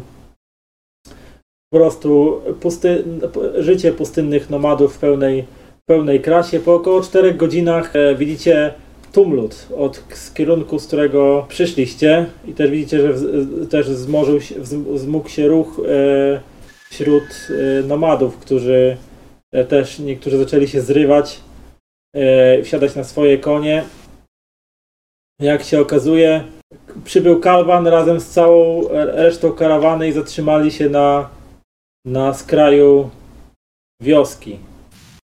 Kalwan niezatrzymywany przybył do was, zrzucił z konia. Mamy problem, powiedział. Przywiozłem wodę, rozdzieliłem, ale kiedy powiedziałem Jakusowi, że, że nomadzi nie chcą im pomóc, ten się wściekł. Powiedział o tym reszcie i chyba słońce ich chyba za mocno przygrzało, bo są rządy dni krwi. E, chcą atakować wioskę, chcą zdobyć wodę siłą. Musimy im to jakoś wyporswadować, bo dojdzie do rzezi. Chyba im się śpieszy na tamten świat. Dobra, taki... Dobrze, Kalwan, prowadź mnie do tego twardogłowego bęcwała. W każdym razie, no, e, za- w- ruszyłeś z Kalwanem. Mm, czy wy też e, idziecie z nim, czy zostajecie tam w tym? Pewnie pójdziemy, żeby jakby coś się działo, to zaraz. E, Chciałbym to zobaczyć. Ruszacie, do, ruszacie na skraj obozowiska, e, odprowadzani uważnymi spojrzeniami. E, Nikt was nie zatrzymuje oczywiście. E, Jesteście tutaj traktowani jak goście, mm, nie jak jeńcy czy wrogowie. Do, docieracie do skraju wioski i widzicie, że krasnoludy na czele z Jakusem, wszyscy miecze w dłoniach, widać w ponurych bojowych nastrojach. Skumałeś się z naszymi wrogami? Chcesz, żebyśmy poumierali z pragnienia? Jak to bronią nam dostępu do wody, do jedynej studni w najbliższej okolicy? Ja jestem Jakus Byrajlach, jestem z Królestwa Troalu, jestem Gówno mnie to interesuje, kim jesteś. Tutaj jesteś nikim, pyłkiem na pustkowiu i jeżeli się nie uspokoisz, to skończysz jak ten pył na pustyni. Rozumiesz to? Tępy... Mocne argumenty. Jak oni śmią nam bronić dostępu do studni? Jeżeli nie dadzą nam jej po dobroci, weźmiemy sobie To ją siłą. co? To co? Chcesz sam wyskoczyć z tym bandą, z tą hołotą, która nigdy w życiu miecza nie trzymała w ręku? Roz, roz, y, rozetną was jak worek ziemniaków. Ej, Są no, doświadczeni... uważaj sobie tam ktoś rzucił. Tak staję, na, tak staję do niego nad nim, tak i tak wiesz, z toporem w ręku. Coś mówiłeś? On się tak cofnął, wiesz, oni tacy się patrzą na ciebie, a ten co tak mówił, to tak nagle zwątpił, tak się cofa do tyłu, no ja... E... Jeżeli nie schowacie za chwilę tych waszych marnych, nie wiem, sztylecików, to obiecuję, że wam tak nakopię do dup, że nie będziecie wiedzieli, gdzie, gdzie jest góra, a gdzie dół. Widzicie? A ja e, pomogę. Razem tam oczywiście e, z tą resztą jest Urrus, który, który tam stoi z tyłu, ręce ma założone tak na, na, na piersi i tak i się patrzy na to wszystko i on się śmie, tak bezgłośnie się po prostu śmieje. I tak patrzy, widzicie rozbawienie w jego oczach i tak kręci tak głową i się śmieje, nie? Tak wiesz, bez, bez wydawania dźwięku i tylko... tylko widzicie jak jego te ramiona chodzą, wiesz, tak że zanosi się takim śmiechem, nie? Wracam do, do tego, do... E, No to- To co zamierzasz zrobić? Weźmiesz tylko tyle wody, ile uniesiecie i myślisz, że to starczy dla nas wszystkich? Zachowajcie się jak normalni dawcy, a nie jak tępe osły. Wykażcie się odrobiną pokory, która w tej sytuacji wam bardzo przystoi, bo popatrzcie, popatrzcie po sobie, jak wy wyglądacie. Jesteście obszarpani, głodni, spragnieni i ledwo się trzymacie na nogach. A zgrywacie się i wy- wydaje się wam, że wasza troalska duma tutaj załatwi wszystko. Gówno załatwi. Wasza troalska duma załatwiła wam to, że y, ci y, nomadzi nie chcą wam dać wody.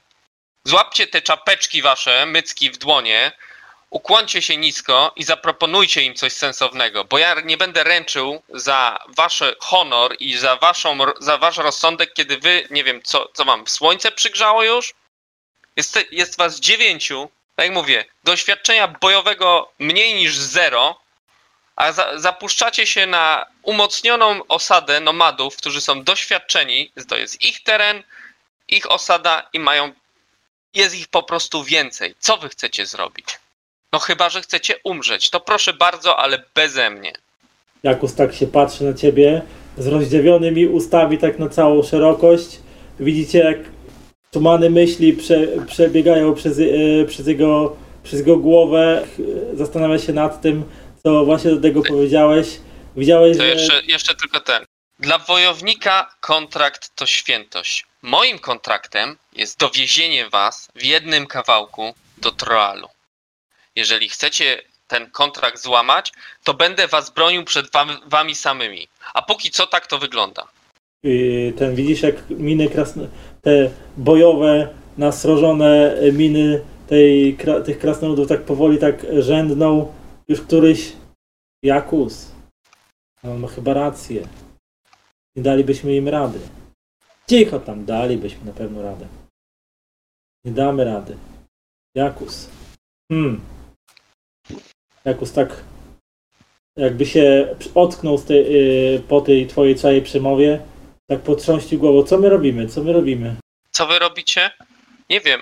Zastanów się, co możesz im zaoferować, co możesz im obiecać. Mają ewidentny żal do, do was o to, że. Do, w sensie do was, do Troalu, że im tutaj bruździcie. Może obiecaj, że prze, prze, tak jakby przekażesz e, poselstwo na, na dwór troalski. Masz tam dojścia. Możesz tak jakby użyć swojego nazwiska. Może, może tak się zastanawia, tak jakby cię za bardzo nie słuchał. Może przekradniemy się w nocy. Tak go jeb w łeb w tę czapkę po prostu, tak? Bez part- tak ten. Krasnolud zajęczał i upadł, upadł na e, ten, upadł na ziemię. Praktycznie No momentalnie... nie tak, żeby go przewrócić, tylko tak wiesz, tak Praktycznie blas. momentalnie zna- znalazł się przy nim Urus i tak popatrzył się na ciebie poważnym wzrokiem i tak ci pokiwał palcem. Mm-mm, mm-mm. Miał chyba znaczyć, że nie Jakus. wolno ci tykać e, Mhm. Jakusa. Czyś ty już do końca zgłupiał? Musimy zdobyć wodę, inaczej umrzemy. Tak. I najlepszą szansą na zdobycie tej wody jest liczenie na to, że szejk, którego nazwiska nie, nie, za, nie jestem w stanie zapamiętać, Salah Ahmalik An-Nasir ibn Shazi. okaże się mądrzejszy niż, niż wy. I tak jakby tutaj okaże ludzką swoją naturę i wam tę wodę da, ale żeby wam ją dał, to musicie wyglądać na takich, co jego gest odbiorą pozytywnie, a nie będą próbowali wywijać jakichś dziwnych numerów. Więc tak jak mówię, weźcie te swoje przepiękne mycki w dłoń i się ukoszcie, a nie próbujcie tutaj wymyślać jakiś ten. Dookoła studni są patrole, jest ona dobrze strzeżona, co zresztą potwierdzi nasz zwiadowca. Jest w samym środku osady wypełnionej nomadami, którzy żyją tu od lat i znają ten teren i wiedzą jak się bronić. Zastanów się. Tak bardzo trudno ci przyjdzie, tak jakby, nie wiem, e, porozmawianie z pozycji normalnego. On ma rację, jaką się rzucił Kalwan.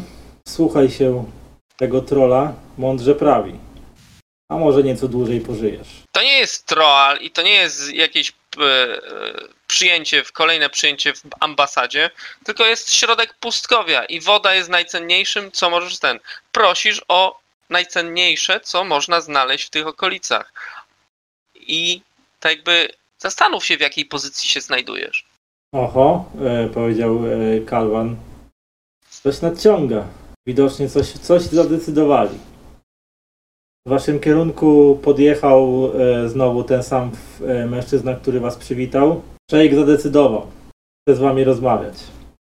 Ale tylko z wami. Pokazał na waszą furkę. Jakus tak otworzył usta, jakby chciał właśnie, zebrał tam się z ziemi. Jak otworzył usta, jakby chciał coś powiedzieć, ale zmiażdżony spojrzeniem jednego z gwiazd zamknął jadaczkę od razu i, i Natychmiast, natychmiast pójdziemy. Tak, Nie- tak. Ja tylko tak na odchodnym, nie wywincie czegoś głupiego pod naszą nieobecność. Urrus e, pokazał ci na migi, że ten, że już się Jakusem zajmie. Okej, to tak mu skinam i tak jakby, że może mnie trochę tak też mu tak jakby daje znać spojrzeniem, że mogło mnie nieco ponieść. Także. Telepatia. Wiele, wiele mówiące spojrzenie wojownika.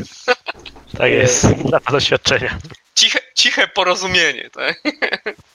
Idziecie z powrotem do, do, do wioski, do, do ten, gdzie i do namiotu, do namiotu szejka, którego nazwiska nie potrafisz dobrze wymówić. Mm. Weszliście do środka i szejk na wasz widok wstał.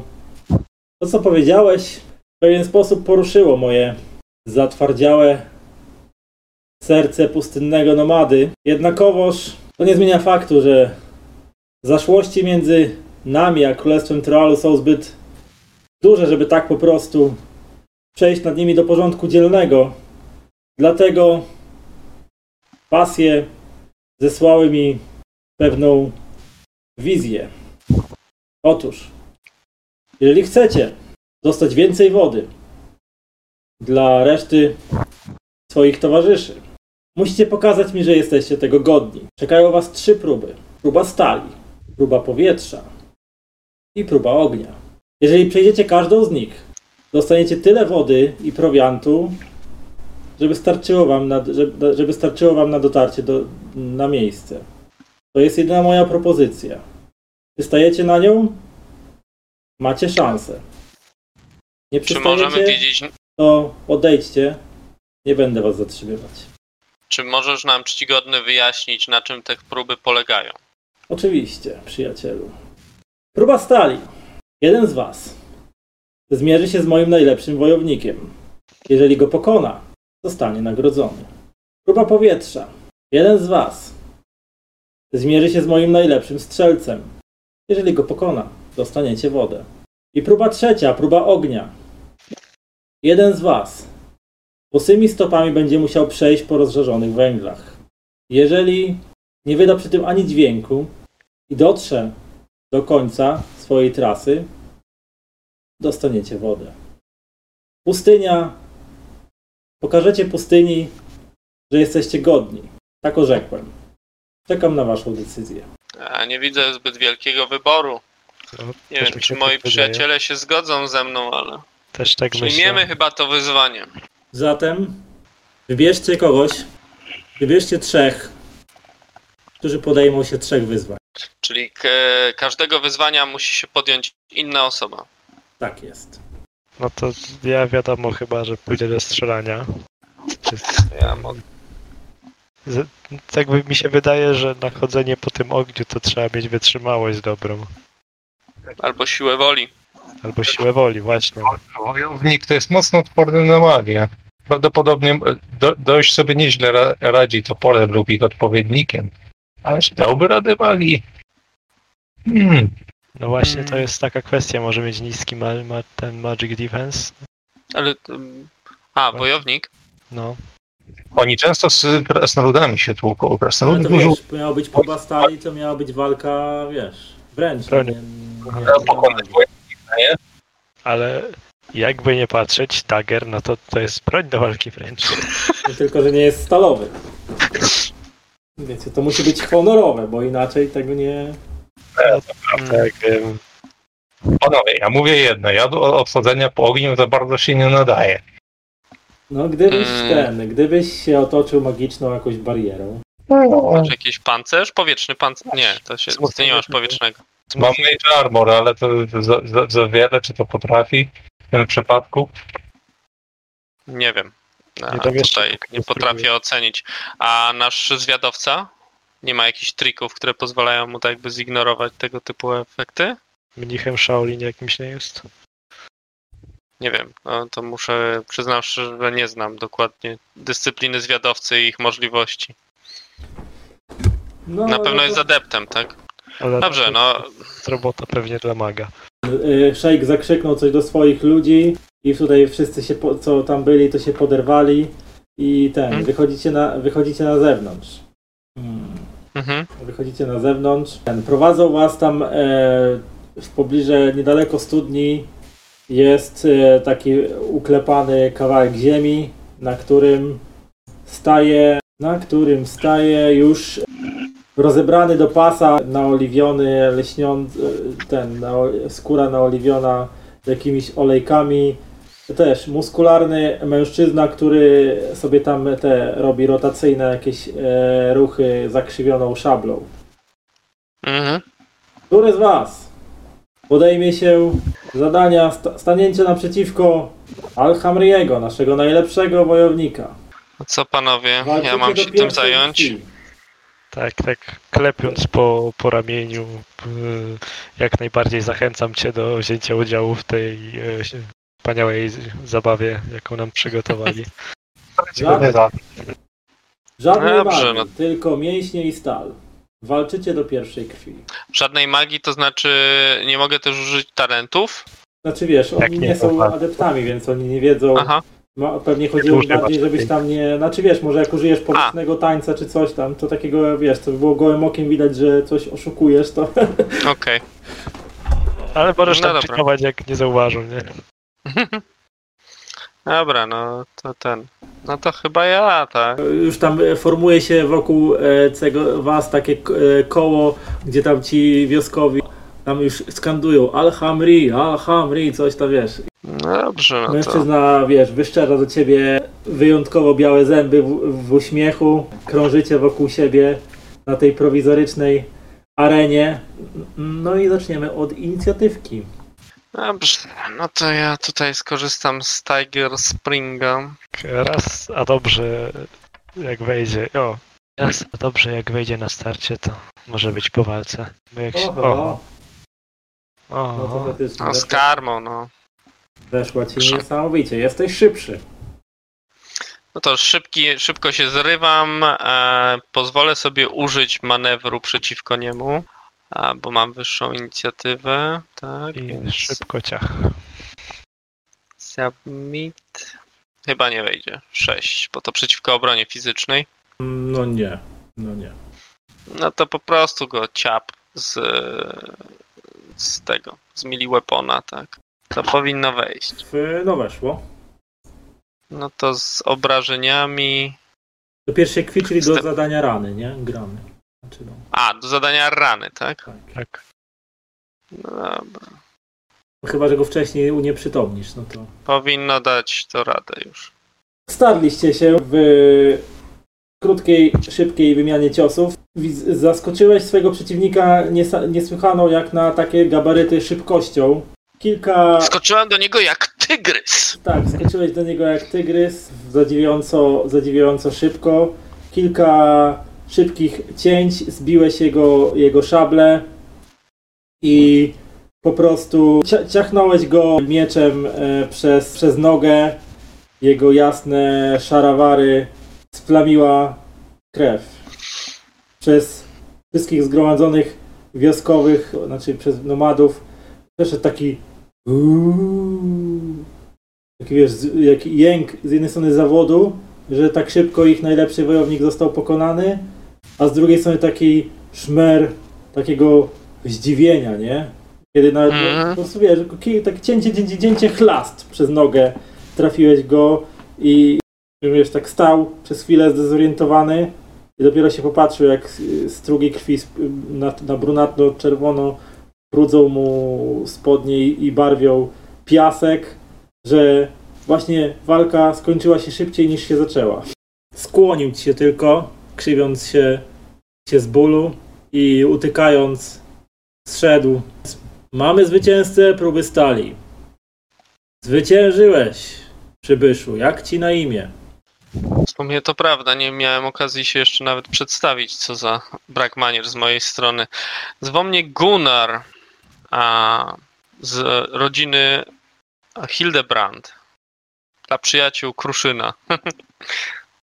Więc zwyciężył Gunnar z rodziny Hildebrand dla przyjaciół Kruszyna, powtórzył szejk. Roz, rozległy się i ten przybił ci brawo u, tymi ubranymi w pierścienie dłońmi i rozeszły się szmery uznania po, po, pośród tych. W takim razie czas na próbę powietrza. Nasz najlepszy łucznik, Malik Salah, zmierzy się. Zawisło takie pytanie w powietrzu. Tak. Więc no pewnie wyjdę przed szereg, już tak ściągając e, z pleców łuk, żeby było wiadomo o co chodzi. Jak się zwierz? Ej, Z Wejem. Salah Malik zmierzy się z Wejem. a na czym ten pojedynek będzie polegał? I widzicie, że ustawili w odległości 50 są... Czekaj, jaki łuk ma twój ten? Zasięg? O, to jest setki. E, tak, do 50 na... Od, od 2 do 48, od 49 do 96. Aha, dobra, to na 50 sążniach ustawili e, tarcze, takie prowizoryczne. Trudność trafienia będzie 8. Pierwszy, który nie trafi, przegrywa. Dobra, rzucę za orka. Znaczy za, nie za orka, tylko za nomada. Najlepszy łucznik nomadów naciągnął cię, cięciwe Nie byłem przygotowany, powtarzamy! Wypuścił strzałę, Ślizgnąłem się. która poleciała i wbiła się w piach tuż przed tarczą. Szmer, znowu taki głośny szmer, jęk zawołał "Uuu", jakieś tam okrzyki e, e, gniewne, może rozżalone. Y, Shake po, pokręcił tylko głową. Pasje wam sprzyjają dzisiaj, nieznajomi. Ja tak patrzę się w stronę tego, tego gościa, w stronę tu i tak pytam, ale to tak na poważnie, czy... Y, y, Dobrze. Chyba nie, nie, chyba nie znał Troalskiego, bo nie chyba cię nie. Znaczy, być może zrozumiał twoje intencje, ale pokręcił tylko głową i rzucił łuk w ziemię i... Tak. No, ale musisz jeszcze trafić, nie? No dobra, mam rzucać, okej. Już. Samy. O! Przymierzyłeś się i wypuściłeś strzałę, która pofrunęła, trafiła centralnie w środek tarczy z taką siłą, że tarcza się zachwiała i w końcu przewróciła się na ziemię. Znowu rozległy się gromkie brawa i okrzyki aprobaty. Wyśmienity strzał. Zwycięzcą próby powietrza jest Way. Teraz została ostatnia z prób. Poprowadzili was kawałek dalej, gdzie widzicie takie kilkumetrowe, e, wąski pas, wysypany, wysypany gorącymi, rozgrzanymi do czerwoności węglami. Przy e, węglach stoi stary, wysuszony mężczyzna, który stoi w takiej dziwnej pozycji, że stoi na jednej nodze, drugą nogę ma założoną na nogę, ręce tak przed siebie e, s- e, złączone, tak jakby e, wykonywał jakąś dziwną modlitwę i zamknięte oczy. Coś mruczy tak do siebie. No. Tylko wspomnieć, że naprawdę zasysałem z tych lekcji, nie krzycz, gdy cię przypalają. Eee, czas na ostatnią próbę. Najważniejszą, próbę ognia. Pokażcie pustyni, że jesteście godni. Oto Nazir. Wiekowy starzec, który potrafi spacerować przez rozżarzone węgle. Staruszek otworzył oczy, uśmiechnął się, skłonił się wszystkim zgromadzonym i zaczął iść. Szedł krok za krokiem po rozżarzonych węglach. Kiedy stawiał stopy, po jego po, po bokach tych stóp strzelały takie snopy iskier. Szedł i uśmiechał się. Przeszedł całą trasę bez jakiegokolwiek jęknięcia. Kiedy zszedł na gorący piasek, podniósł najpierw jedną nogę do góry, prezentując ją publiczności. Zero jakiegokolwiek poparzenia. Potem Postawił ją na ziemi, wzniósł drugą nogę i znowu zaprezentował publiczności. Zero jakiegokolwiek poparzenia. I znowu z uśmiechem na twarzy kłonił się i odszedł gdzieś. Który z Was podejmie się wyzwania próby ognia? Znaczy ja mógłbym ponownie wystartować? No właśnie nie, już nie możesz. Wow. Znaczące spojrzenia, znaczące spojrzenia spoczywają teraz na Ardrylu. Ej, hej, to jest dobra. Zdejmuję buty, szkoda butów. Może jakoś później zregeneruję stopę albo coś. Eee, Mam dobre maści na oparzenie. Może ten, dostrzeżesz jakieś coś w prze- przestrzeni astralnej, ten ogień może ma jakieś właściwości. Prze- pu- Przypuszczam, że jest dość gorący. No, gdy podchodzisz Wiesz. do, do, tej, do, do początku tej e, trasy, to faktycznie czujesz żar. Jest gorący. Nic no. E, kawałek skóry w zęby. Staram się skupić. Ból nie istnieje. Coś takiego. Tak, może będzie- pancerz magiczny. No, przypuszczam, żeby raczej się krzywili na magię. E, będziesz rzucał na e, willpower.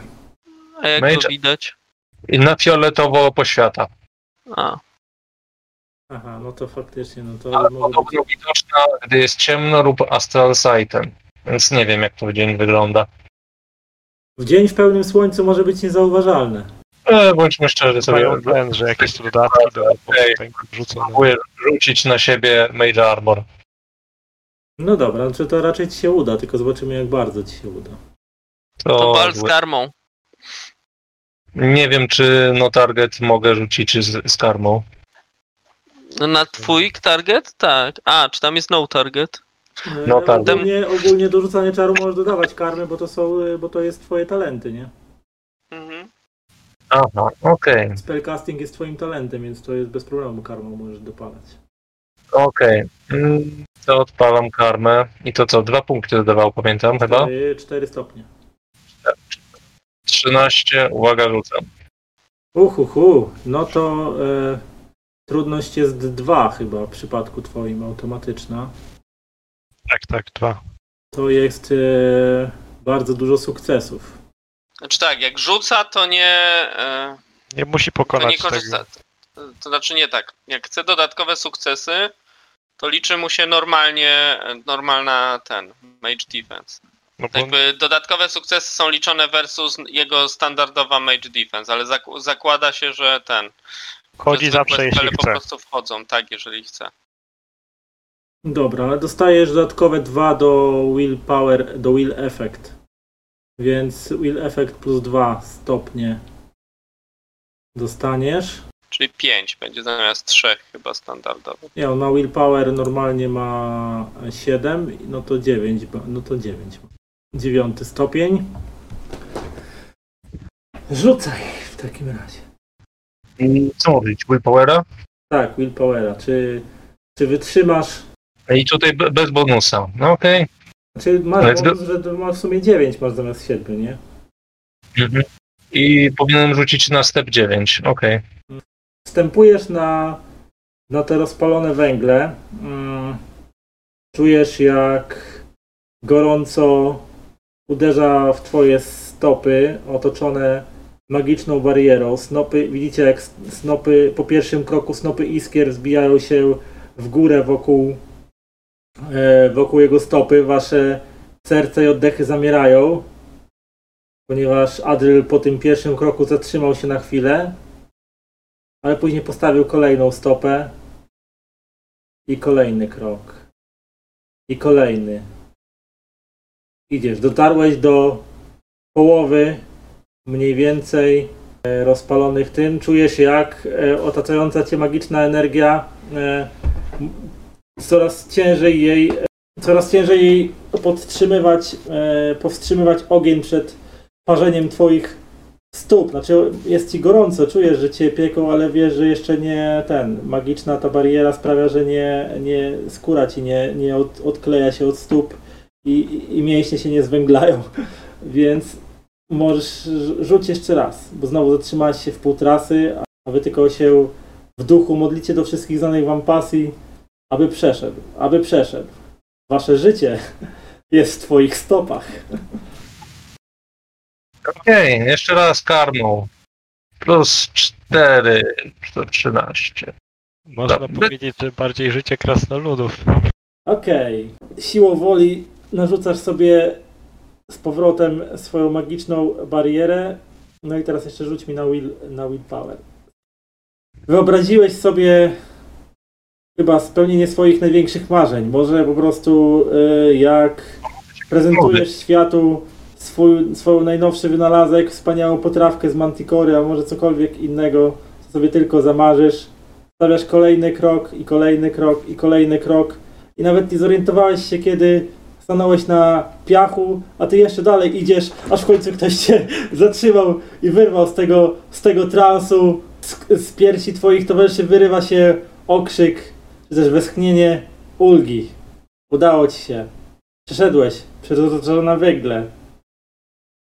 Czujesz jak magiczna energia, która cię spowijała, rozprasza się gdzieś w powietrzu. Pieką cię stopy, ale żyjesz.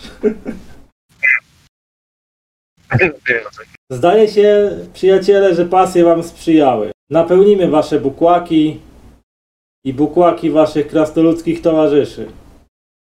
Damy wam prowiant, tak jak wam obiecałem. Salah Dzięki. Hadin, niech pustynia wam sprzyja. I to Szejku. Dziękujemy. No, nomadzi ten, zaczynają się rozchodzić. Patrzą na, na was z, uz- z uznaniem, szczególnie na, na Weya, który fantastycznym strzałem trafił w tą tarczę, ale i na ciebie, Adrylu, że udało ci się e, udało ci się przejść po tych rozrożonych węglach. Boisz się spojrzeć na swoje stopy. Nie patrz, jak nie widzisz, to zawsze nic tam złego się nie No, stało. nie patrzę, to nie boli. Dokładnie. Tak. Czego to się nie robi? Okład słodek kiedyś ci pomoże. Cze- czego to się nie robi, żeby dotrzeć żywym do Troalu.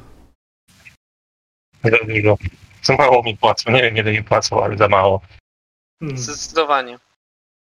Niezależnie tego, od tego, ile ci płacą, nie?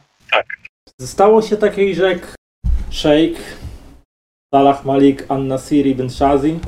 Wasze bukłaki zostały napełnione świeżą wodą.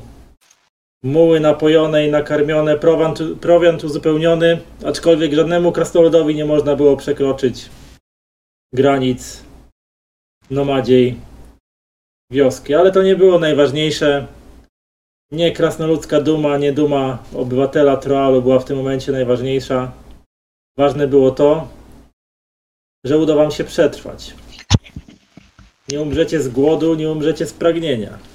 Co najwyżej próbując przeciwstawić się jakimś kolejnym przeciwnościom losu. Ale dzisiaj zaśniecie z pełnymi brzuchami i z kojącą myślą, że kolejny dzień podróży nie będzie walką o każdy krok i o każdą kroplę wody i o każdy łyk pożywienia.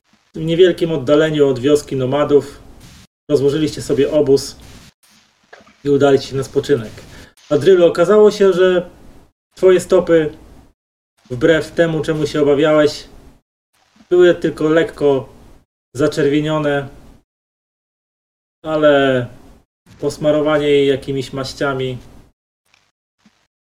powinno sprawić, że do rana będą w jako takiej kondycji. Tak mówię, że za mało dostanę. Że co? Za mało mi za to płacą. Za mało ci płacą, tak. Ech, to był ciężki, ciężki wieczór. Na szczęście już się skończył.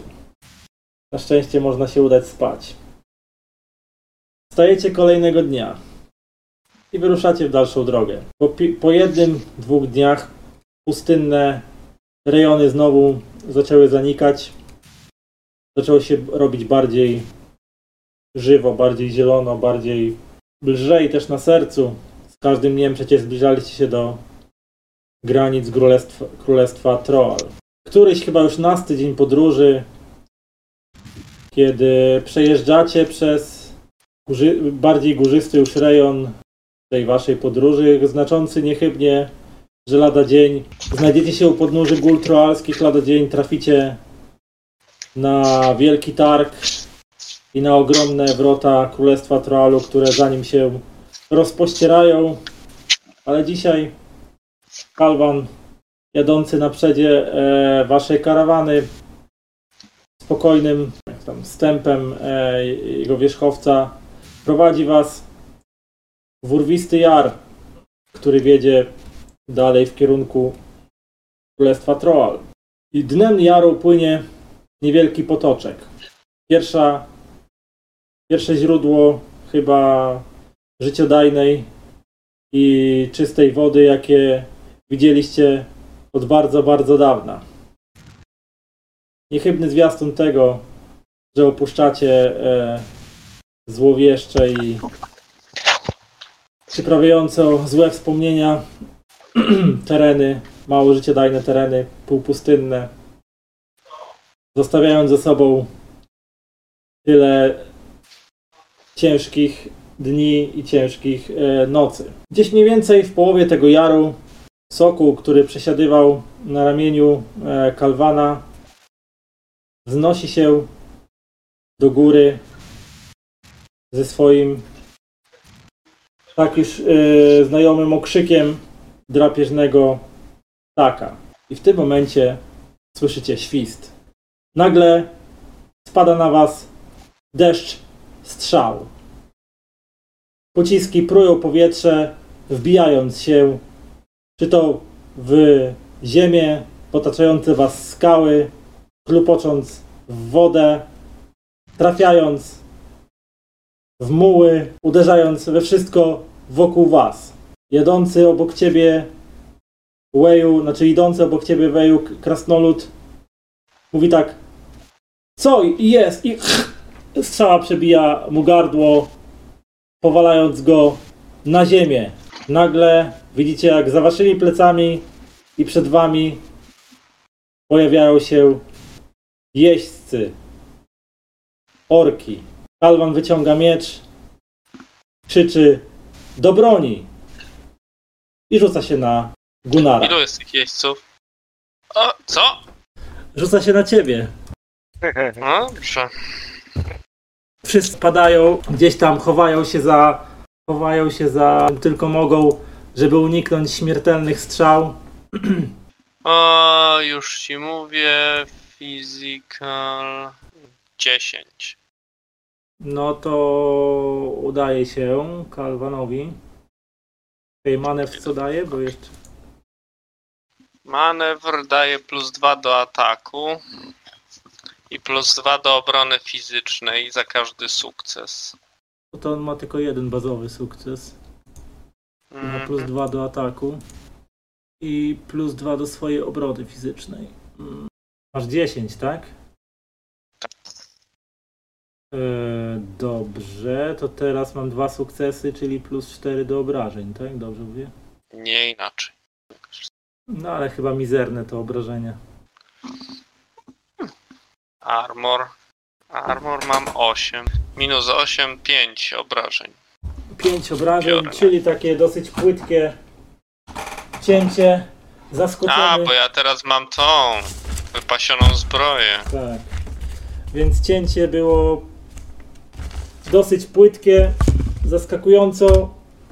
Co zobaczyłeś takie zaskoczenie, kiedy tam przebił się przez twoje ubranie i jego ostrze tylko prze, prze ten, prze, przez, przesunęło się po, po, twojej, po twojej zbroi. Będziesz miał Mhm. po tym cięciu jakieś tam siniaki, ale nic poważnego ci się nie stało. Mhm. Eee, co robi reszta? Krasnoludy powyciągały broń. Widzicie, jak orkowi jeźdźcy, e, salwa strzał ucichła. Gdzieś tam z, strzelali do was po prostu z krawędzi tego jaru, w którym się znaleźliście. A ten, e, jeden z krasnoludów nie żyje. E, a ten, a orkowi jeźdźcy z tyłu i z przodu właśnie ruszają do ataku. Rajdo, daj. Dobra. Inicjatywa czy coś? Może być. Wej zaszalał. E, widzę tak, największą ma Ardryl. Ardryl. Ardryl, potem ty, Mhm. E, potem ja i potem Wej. A jeszcze czekaj, za Kalwana jeszcze rzucę. Kalwan chyba zaskoczony tym, jak bardzo nieskuteczny okazał się jego atak zaskoczenia, stracił na, na inicjatywę. Mm, No to dobrze, no to Adrylu, co chcesz zrobić? Widzisz, znaleźliście się w potrzasku. Przyjął do was z góry, pędzą na- was z obu stron. A ilu jest tych jeźdźców? Dużo. Hmm. No cóż, zrobi się co, e, co można. Rzucam Mage Armor i dopalam go z karmy, ile mi zostało. No wcześniej wyda... A tamte punkty karmy e, ci się Się odnowiły. odnowiły. Aha, Więc dobra. Okej. Trzask. Załóżmy, że z automatu wykonywaliście te rytuały karmiczne, żeby odzyskiwać. No, spoko. Dzięki. Jeżeli wyjdziemy wystarczająco dużo, mogę wybrać dodatkowy cel dla czaru, no ale to musimy pierw wyjść. Hmm. Okej, no udać ci się udało to na pewno. I, e, Jak tutaj liczyć te dodatkowe bonusy? To, znaczy tutaj ci automatycznie wchodzi. E, nie ma Tak, chodzi o ci nie uda, tylko jaką masz obro- obronę magiczną? E, Moja obrona magiczna. Magic. Mystic, tak? Tak, Mystic Defense. Mhm. Cztery. Nie, czekaj. e, Nie, no, Dziesięć? No to Dziesięć. nie masz dodatkowych stopni sukcesu, ale ci weszło. nie? No to mam. No to tyle ze mnie. pewnie. Czyli do, tam masz dopalone coś, tak? Bonus masz do. Mam dodatkowy pancerz. Na, na jak długo? Mage Armor. Plus 3 do Physical Armor. Na czas trwania. For the spell duration. Spell duration. E, rank rounds. Nie wiem, co A, to czyli, znaczy. Czyli ile masz rank y, w tej, y, w spellcastingu? Dwa chyba z tego co pamiętam. No to na dwie rundy masz to zapewnione. Bonusik. Dobrze, no to rzuciłeś, otoczyłeś się oczywiście magiczną barierą, wykorzystując chwilę na to, żeby się skoncentrować i przygotować na, na niechybne starcie, które nadciąga z każdą sekundą. Gunarze, Kalwan was zdradził. Sorry, odsunąłem mikrofon. E, łapię za tarczę, chwytam e, miecz ten mój przekuty, elficki. No i go. I go tnę, no. Wkurwiony, agresywnie, tak. Dobrze. Czyli plus 3 do tego. Roll. Ma teraz na, na tą rundę ma dwie, e, dwa punkty wyższą obronę fizyczną. A, 13. E, No to ci się udaje, bez dodatkowych sukcesów, ale ci się udaje trafić. Dobrze. No to. 12, a armor ma... A, nie ma, czyli wchodzi mu 12, ma wound threshold. I rana mu wchodzi, czyli musi zdać knockdown test. Dobra. Mm, No i nie. Leży. Spojrzałeś na niego spojrzeniem, które samo w sobie mogłoby zabijać, gdybyś miał taką moc. Ale wyciągnąłeś jednym szybkim ruchem swój e, przekuty miecz i pokazałeś mu tym jednym potężnym cięciem, jak się powinno używać takiej broni. E, zbijając mu automatycznie gardę i zagłębiając swoje ostrze w jego e, skórzanym opancerzeniu. Jęknął tylko cicho i przewrócił się e, na plecy. Usłyszałeś tylko w powietrzu skrzek, krzek e, jego sokoła, który gdzieś pewnie z wysoka widział, jak jego pan e, jest atakowany. I w tym momencie orkowie uderzają w was z dwóch stron. Uzbrojeni w topory nomadowie dopadają do waszej karawany. Rozpoczyna się krwawa jadka. Wszędzie jest kwik zwierząt, szczęk stali, wymiana ciosów, bitewny chaos, kurz, krew, pot. Unosi się w powietrzu zapach spoconych e, koni. Rzucę grupowo. 15. E, Weju, Adrylu oraz Gunarze. Jak wasza obrona fizyczna? No to przechodzi, to wchodzi z. y, Jak mam tarczę, to po prostu u mnie wchodzi. A nie, z jednym sukcesem, bo agresywnie atakowałem. Czyli u mnie będzie plus dwa. Ja mam pancerza 9. Czy obrony Nie fizycznej? pancerz obrony. O ludzie, dobra, byłem wymutowany. Defense, nie armor. Tak, Defense. No to u mnie wchodzi, no mam 12, no to bez sukcesów chyba. Piękne. Aha, tak, tak. No to a Adrylu? E, Fizycznie mam 9 plus 3 za czar, czyli Czyli, 12. czyli tylko Gunarowi wchodzi z sukcesem, wam Mhm. bez sukcesu. No dobra, no to obrażenia dla Gunara będą teraz. Out. Uh, uh. Za 6. Rozpędzony w, u- w momencie, kiedy powaliłeś e, Kalwana na, na ziemię, rozpędzony ork wjechał w ciebie wierzchowcem, zdzielając cię z góry toporem e, w bark, mm, w którym trzymałeś miecz. Ostrze nie przebiło e, pokrywającej cię zbroi, ale bardzo boleśnie stłukło e, ci ramię. Mm, Poczułeś taki kujący prąd, który przeszył mm, two, two, twoją rękę. Mało co nie wypuściłeś e, broni e, z ręki. Kolejny ork uderzył e, w Weja. Byłeś tak zaskoczony całą tą sytuacją, twoje zmysły elfa jakoś nie, ten, przytępione chyba wielodniową podróżą, nie wyczuły niebezpieczeństwa. Dobrze nawet nie zdążyłeś wyciągnąć łuku, wyciągnąć łuku z pleców, kiedy rozpędzony topór kolejnego orkowego nomady trafia cię. Dobra, e, jeśli bym chciał robić unik, to muszę to przebić, tak? Znaczy to musisz przebić. Yy, O, 17. 15 17. musisz przebić, bo to są obrażenia 17, a 15 był wynik ataku. Okej. No dobra, wcześniej, to wcześniej muszę. Dobra, dobra. E, e, Ale mogę to robić, czy... Znaczy, możesz spróbować odrobić unik, ale no musisz wy- wyrzucić 15. Wiem, wiem, wiem, wiem, wiem. No to udało ci się, więc e, o mały włos. W ostatniej chwili zdołałeś się uchylić, kiedy ork nachylił się w siodle, żeby zdzielić się toporem. Poczułeś tylko jak zimne ostrze przelatuje ci, ścinając być może kilka włosów z twojej głowy, ale uniknąłeś e, pozbawienia jej i oddzielenia od tułowia. Teraz Ardrylu. Czas na ciebie. 11 obrażeń, minus pancerz fizyczny. Tyle masz pancerza, tak? Physical było 6, ale czekaj. Tamten czar. Już bym tutaj nie okłamał. Armor czy tylko physical defense? Major Armor.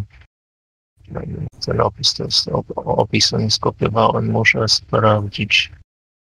Tutaj. Physical Armor tylko, przepraszam. Tylko Physical Armor. Czyli obrony nie podnosi, daje armor, tak? Mhm. I masz 6 plus 3, czyli 9, czyli 2. Lekkie draśnięcie tylko. Ty Mhm. akurat stoisz gdzieś na jakiejś między mułami, e, które ci trochę osłaniają, więc on, ten ork nie miał za bardzo tak dostępu. Próbował cię ciachnąć tak, wychylając się mocno z siodła, ale gdzieś tylko przeciął ci mm, delikatnie ubranie i skaleczył gdzieś tam skórę. Nie, naty- nie zrobił ci większej krzywdy, ale to jest dopiero początek. Kaweju, co teraz ty robisz? E, no, to jest tak, e, w konkretnego jakiegoś z tych orków e, mogę szyć, czy, czy, No, czy to celów jest masz jakieś... naprawdę dużo, więc No to, to właśnie kwestia jest taka, to, czy jest sens bić całą tą ch- chmarę, czy musimy to pokonać pewnie, bo się nie opędzimy bez tego. No ewentualnie mogę próbować dobić tego leżącego. to wokół was jeszcze też krasnoludy dobywają tych swoich mieczyków krótkich i tak dalej, wdają się, wdają się w walkę, nie? Tutaj gdzieś tam idzie jak jakiś, o, jakiś padł z wierzchowca, bo któryś z krasnoludów przeciął wierzchowcowi e, te pęciny zwierzę zrzuciło e, jeźdźca przewracając się na ziemię, krasnolud, i tam część krasnoludów zwarła się po prostu w walce wręcz ze swoimi przeciwnikami. Wszędzie wokół was coś się dzieje, wszędzie ktoś z kimś walczy, wszędzie gdzieś leje się krew. Dawcy imion są ranni bądź umierają. No to w takim razie ja będę konsekwentny i jak już zaczęliśmy bić tego zdrajcę, to bijmy zdrajcę. Tylko, że ty akurat Kalwana masz gdzieś tam po swojej lewej stronie e, i za bardzo go nie widzisz w tym tumlucie. Aha, dobra, no to, to, to niech będzie w któregoś z, z, z, z, z, z e, orkowych namadów. To przeciwko Magic chyba defensowi szło. Przeciwko Magic? No to Tak. udało ci się. Magic defense. Dobra, czyli i bez sukcesów większych, tak? No po prostu ci się udało. Czyli plus dwa będę miał to stopnie przy. no, Tylko tak przy ataku to było, czy przy obrażeniach? Range attack, czyli Bonus do ataku masz, tak? bonus do ataku, a nie do obrażeń. Mhm. Dobra, czyli będzie 14. Tak, powiedzmy, że sobie dopalę karmą. O, 15, no to z jednym sukcesem trafiasz. czyli plus 2 stopnie. Wiesz co, nie miałeś okazji, żeby jakoś y, mocniej na, naciągnąć cięciwe w łuku, ponieważ się tu zrobiło nagle tłoczno i, i, i gęsto od, od różnej maści y, y, postaci, więc y, po prostu szybko dobyłeś strzałę, nałożyłeś na cięciwe i tak machinalnie naciągnąłeś lekko i wypuściłeś. Trafiłeś, ale w tym tumlucie nawet chyba e, ten orkowy nomada za specjalnie tego nie, Stała wbiła się w niego, ale on w tym momencie walcząc już z jakimś krasnoludem, nawet chyba za specjalnie tego nie zauważył. W tym momencie Kalwan próbuje jump upować. Nie nie udało mu się. Próbuje wstawać, ale tutaj przebiegający w tej we w tej orkowi jeźdźcy przeszkodzili mu i nie może się e, zebrać. E, napastnicy rozjeżdżają się e, w jedną i w drugą stronę, nabierając rozpędu do kolejnej szarży. W tym momencie znowu z krawędzi jaru sypią się na was strzały. Physical e, defense to u mnie nie wchodzi. Defense Physical u mnie mamy 9. E, gunarze, To się odbija od zbroi. tak, strzała, e, strzała ze świstem uderza cię w drugi bark, ale jak sam mówiłeś, odbija się od twojej zbroi.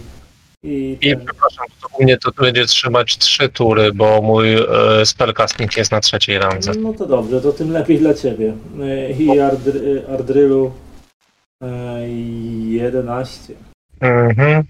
E, I to idzie na, na co? armor, czyli tam miałeś 9 chyba, tak? No to masz kolejne dwa. Kolejne draśnięcie. Strzała gdzieś przeleciała, drasnęła cię w policzek. Robiąc bolesne, piekące skaleczenie, ale ominęła ucho na szczęście, więc niewiele potem ci się stało. No, Okej. Generalnie ten jar.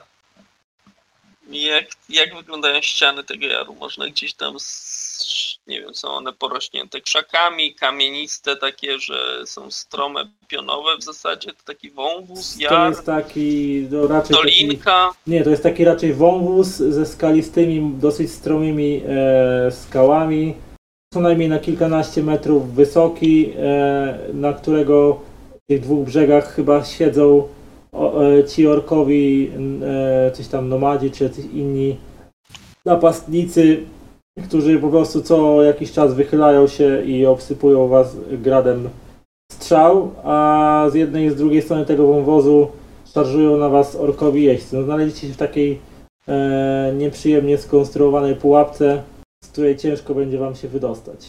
Kiedy, shit. No nic. Co zrobić? kiedy skończył się ostrzał, strzał, które tym razem jakoś za specjalnie wam krzywdy nie e, wyrządziły, widzicie jak e, znowu orkowi nomadzi na swoich wierzchowcach pokrzykując groźnie i machając toporami z jednej i z drugiej strony szykują się znowu do szarży. Eee, Ardrylu, twoja kolej. Jesteś ciągle otoczony magiczną e, osłoną, Mind Dagger Która najbliższego. która, która, już, która już dwukrotnie ocaliła cię od poważniejszych obrażeń. Mind Dagger. E, okrzyk jest e, taki e, w umyśle. Mhm. Mm, no co? Dodam karny. Co mi tam? Umrzeć, to przynajmniej fajerwerki ale dokładnie. 13. Go. Scyzoryk Najbliższy ma porządnie. No i pięknie trafiasz z sukcesem jednym dodatkowym. O, sukces. E, mhm, mhm. Plus dwa stopnie. Willpower plus 2 Mystic, minus 2 do Physical Defense. E, increase Effect. Aha, czyli do- dodatkowo jeszcze obniża e, Physical Defense. No to rzucam Willpower. E, 7 plus 2 to jest 9. Plus dwa. Go, go. Bez Ale- szans. A doliczyłeś ten e, za dodatkowe przebicie? Nie, dojdzie Prosto. tylko za ten Za normalne. normalny. Jeszcze, jeszcze raz. Chcecie? No bo Będziesz mieć normalnie power masz w plus sumie dwa. plus 4, bo miałeś dodatkowy sukces. O, no, przepraszam. 4 to jest przy 11. No, widzisz? No i pięknie. Rozpe- jeźdźcy znowu byli praktycznie tuż, tuż przed wami, mają zamiar uderzyć po raz kolejny na waszą grupkę desperacko broniących się e, dawców imion. Po, wypuściłeś magiczny pocisk, który pofrunął i po prostu ściągnął jednego z orków z konia, trafiając go prosto w głowę. E, zwierzę po prostu przeskoczyło nad, na, na, nad y, tym, nad leżącym kalwanem, pognało gdzieś na drugą stronę, a bezwładne i martwe już ciało orka upadło na ziemię, ale to nie zmieniło impetu uderzenia, które znowu w was trafiło, Gunarze. No to ja tam tego kalwana męczę, tak? E, Zrezygnuję, pozwolę sobie zrezygnować z agresywnego. Ty tak go masz na Na ziemi. talerzu. No wiem, wiem, dlatego mam plus 3 do rolu, no nie? Kurwa, mać. Eee, No, wiesz co, przeszkodził ci znowu jakiś ork, który gdzieś cię trącił po prostu, jak e, prze, przelatywał obok ciebie, no i twoje cięcie, e, a kalwan się odto, odtoczył się na bok i trafiłeś po prostu w ziemię, Tyle w tracąc... zasadzie, tak. Co? To w zasadzie tyle ode mnie, tak? Tyle, teraz o orkowie. 14 to zakładam, że trafia. No tak. Bez sukcesów, ale tak. 20 Gunarze. 20 czego? Chyba, że obrażeń, chyba, że chcesz tego unikać. atak. Nie, no jasne, że chciałbym unikać ataku. Dzisiaj mi nic nie wchodzi. No to, no to co, Nie no, uniknąłeś, no. No to biorę 12 obrażeń, tak? Czy to wound threshold twój prze, to, prze, ten? Przekracza, przekracza, przekracza. Knockdown test, poproszę. No, O, pięknie. stoję tak, że mógłby we mnie koń wjechać albo nosorożec i tak by no, mnie nie przewrócił. Właśnie, właśnie tak to wyglądało, że właściwie to ten ork w ciebie wjechał, praktycznie e, zwalając cię w momencie z nóg, upadłeś na ziemię, przetoczyłeś się boleśnie, obijając się to tu i tam, gdzieś chyba może nawet poczułeś jakieś uderzenie kopyta gdzieś w swoje ciało, ale udało ci się tak przetoczyć, że momentalnie instynktem doświadczonego w walce wojownika stanąłeś na nogi i nawet, i nawet nie upuściłeś w tym wszystkim e, miecza. Mm, Ardrylu. Widzicie taką e, scenę, co, co my tu mamy? 16. E, oj. Minus 9 to jest 7. Jak tam twój wound threshold się miewa?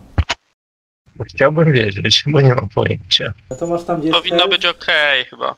health, death i wound threshold. Tam masz jaką ma wartość. twój, e, No ja mam 7 właśnie, więc Siedem. Czyli wchodzi ci rana. Jedna. Musisz zdać knockdown test. O trudności 7. Aha, Klikasz jest. po prostu knockdown. Mhm. Coś tutaj zmieniam? Nie. nie, nie. Okej. Go. No i niestety zostałeś powalony. Przelatujący obok ciebie ork zdzielił cię toporem. Tym razem to poczułeś. Ma magiczna aura nie zatrzymała tego potężnego ciosu, który praktycznie pozorał ci twoją, twój cenny płaszcz y, z łusek spagry i boleśnie przeskrobał się po twoich żebrach.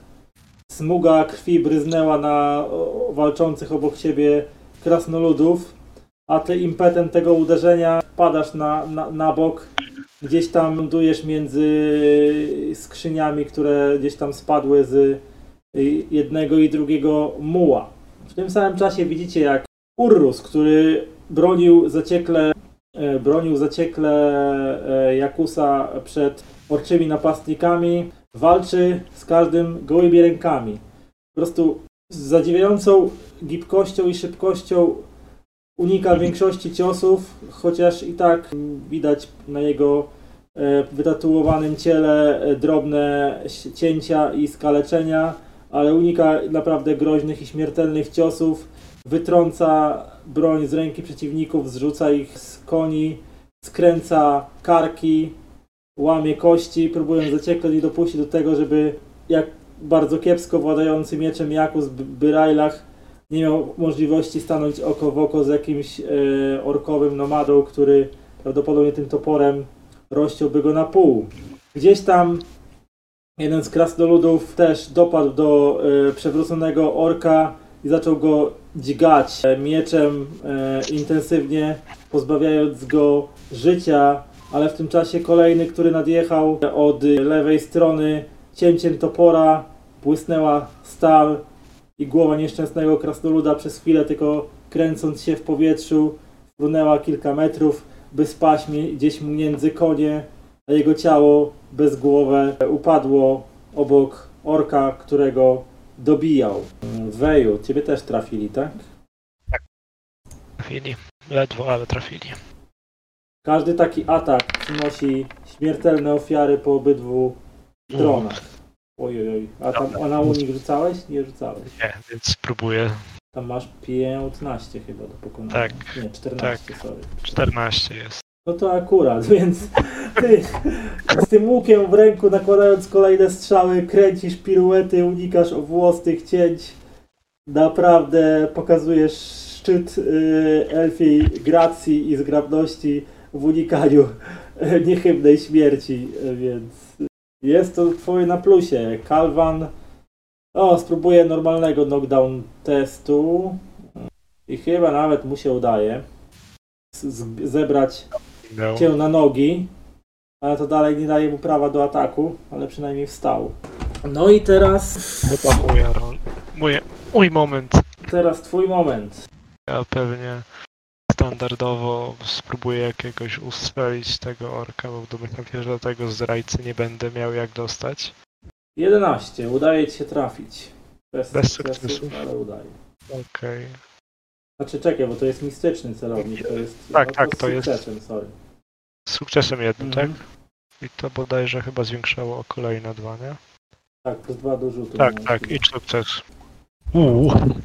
Uuu. O, pięknie, panie, pięknie. Po prostu rzuciłeś tak wspaniale, że po prostu pozwolę ci opisać, jak wykańczasz swojego przeciwnika. E, Dobrze, więc e, mając jeszcze w głowie te e, ostatnie wydarzenia z tej próby wiatru, e, napiąłem cięciwe i tak widząc głowę jadącego w stronę jednego z biegających tutaj krasnoludów tego orka na swoim wierzchowcu, tak po prostu prost, prosto w środek głowy, tak jak prosto w środek tarczy strzała przeszła i tak samo jak prze, e, upadła ta tarcza, tak samo e, on e, po kilku spazmach zwalił się z tego konia, posiadając strzałę na wylot wbitą w swoją czaszkę.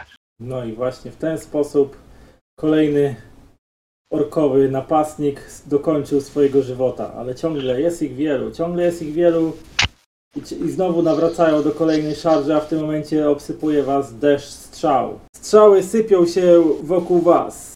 Widzieliście, jak któryś z was zauważył, chyba ty, Adrylu, próbując zebrać się y, z powrotem y, z ziemi, jak jedna ze strzał frunęła w kierunku Jakusa, ale niechybny i nieomylny Urrus po prostu łapie ją jedną z rąk w locie tuż przed głową Jakusa i ciska ją na ziemię, ale przypłaca to tym, że jeden z orkowych nomadów wbija mu topór w nogę.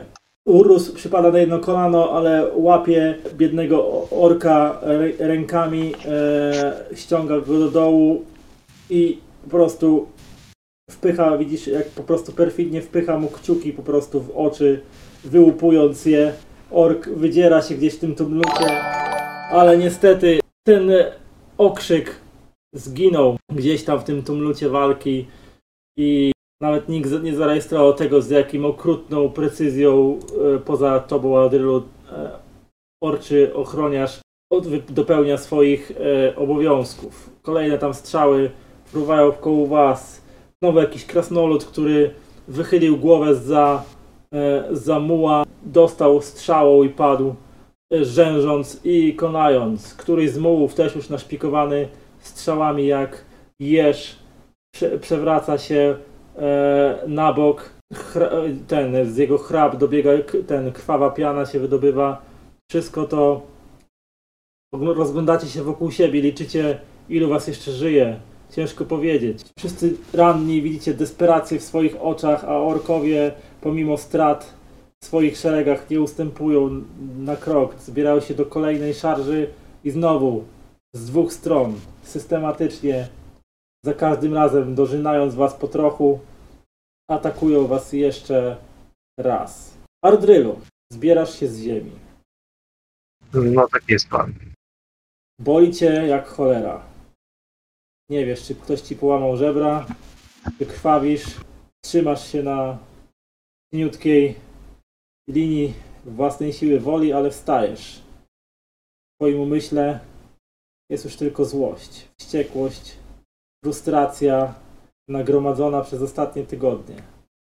Tylko ta rozpalająca żyły nienawiść sprawia, że stajesz, co teraz cię napędza do tego, aby stawić czoła wszystkiemu, co was jeszcze czeka. Po prostu czerwona mgła praktycznie rządzy krwi, uczucie, jakiego do tej pory chyba nie czułeś nigdy w swoim sercu, teraz rozpala cię żywym ogniem.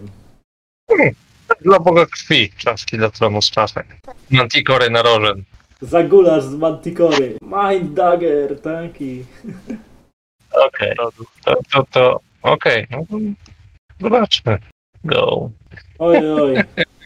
Jednak nie, jednak nie czujesz. Ta, ta, z jednej strony te, ta rozpalająca umysł e, nienawiść, z drugiej strony ból, rany, która broczy krwią, przyćmiewają ci, nie możesz się skupić.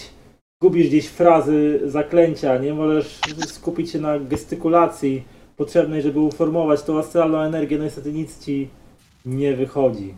Historia mojego życia.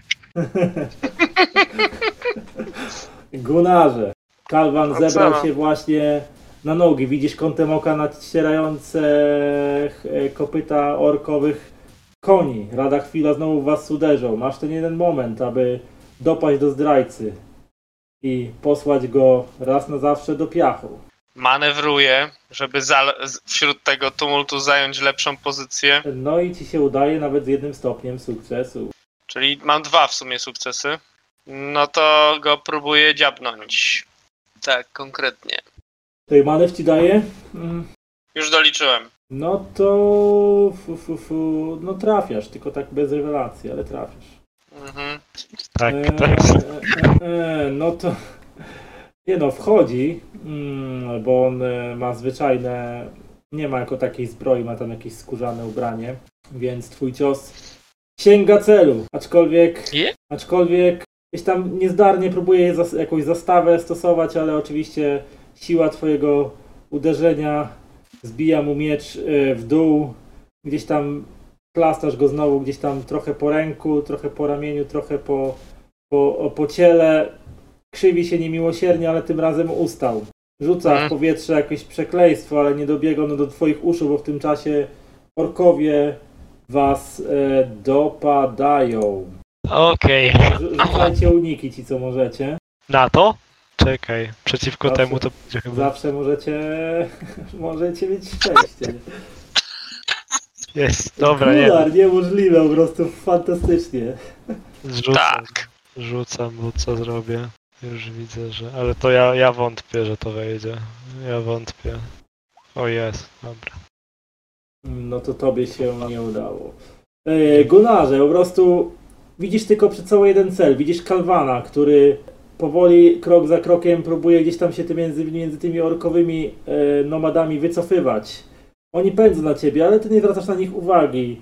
Instynktownie unikasz jednego cięcia, drugie zbijasz swoim mieczem, e, kolejne tak, że po prostu balansem ciała, jakimś tam krokiem w jedną stronę, krokiem w drugą, zbijasz te wszystkie mierzone w ciebie ataki i przesz do przodu, widząc tylko Kalwana, na którego widzisz, na którego twarzy chyba powoli e, wykwita przerażenie, ponieważ widzi wielgachną górę wściekłego trola z drządzą mordu w oczach i chyba czuje gdzieś w kościach, że ta zdrada będzie go kosztowała życie. Dobrze, Dobrze teraz, czuję.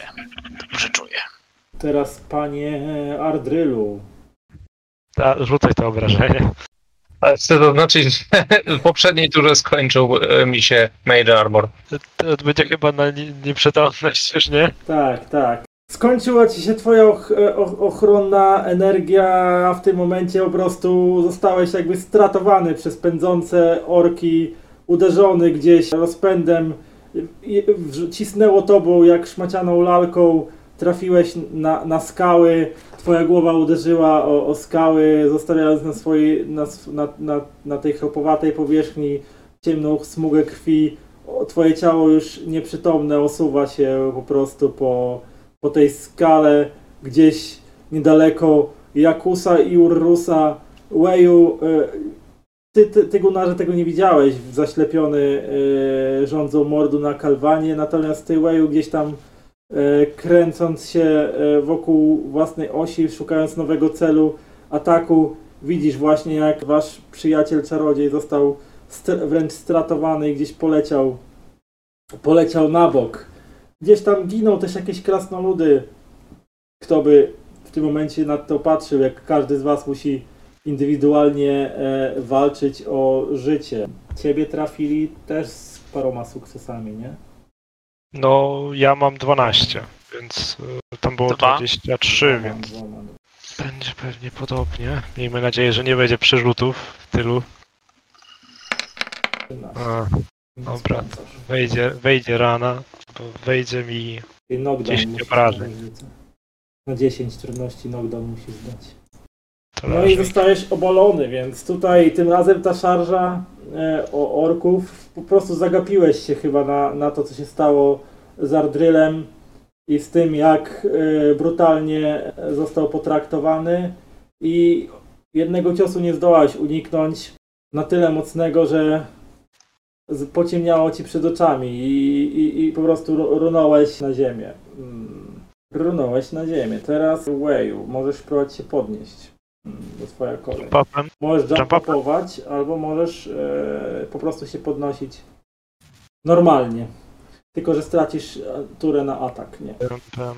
Dwa strainy bierze jump up. Tak, czyli dwa obrażenia dodatkowe. I to jest rolowanie dexa i muszę zro... te A ty 10 po prostu wyrzucić. klikasz jump up, albo ci się uda, albo nie. Okej, spróbujmy. Dupa, No oczywiście. Standardowo.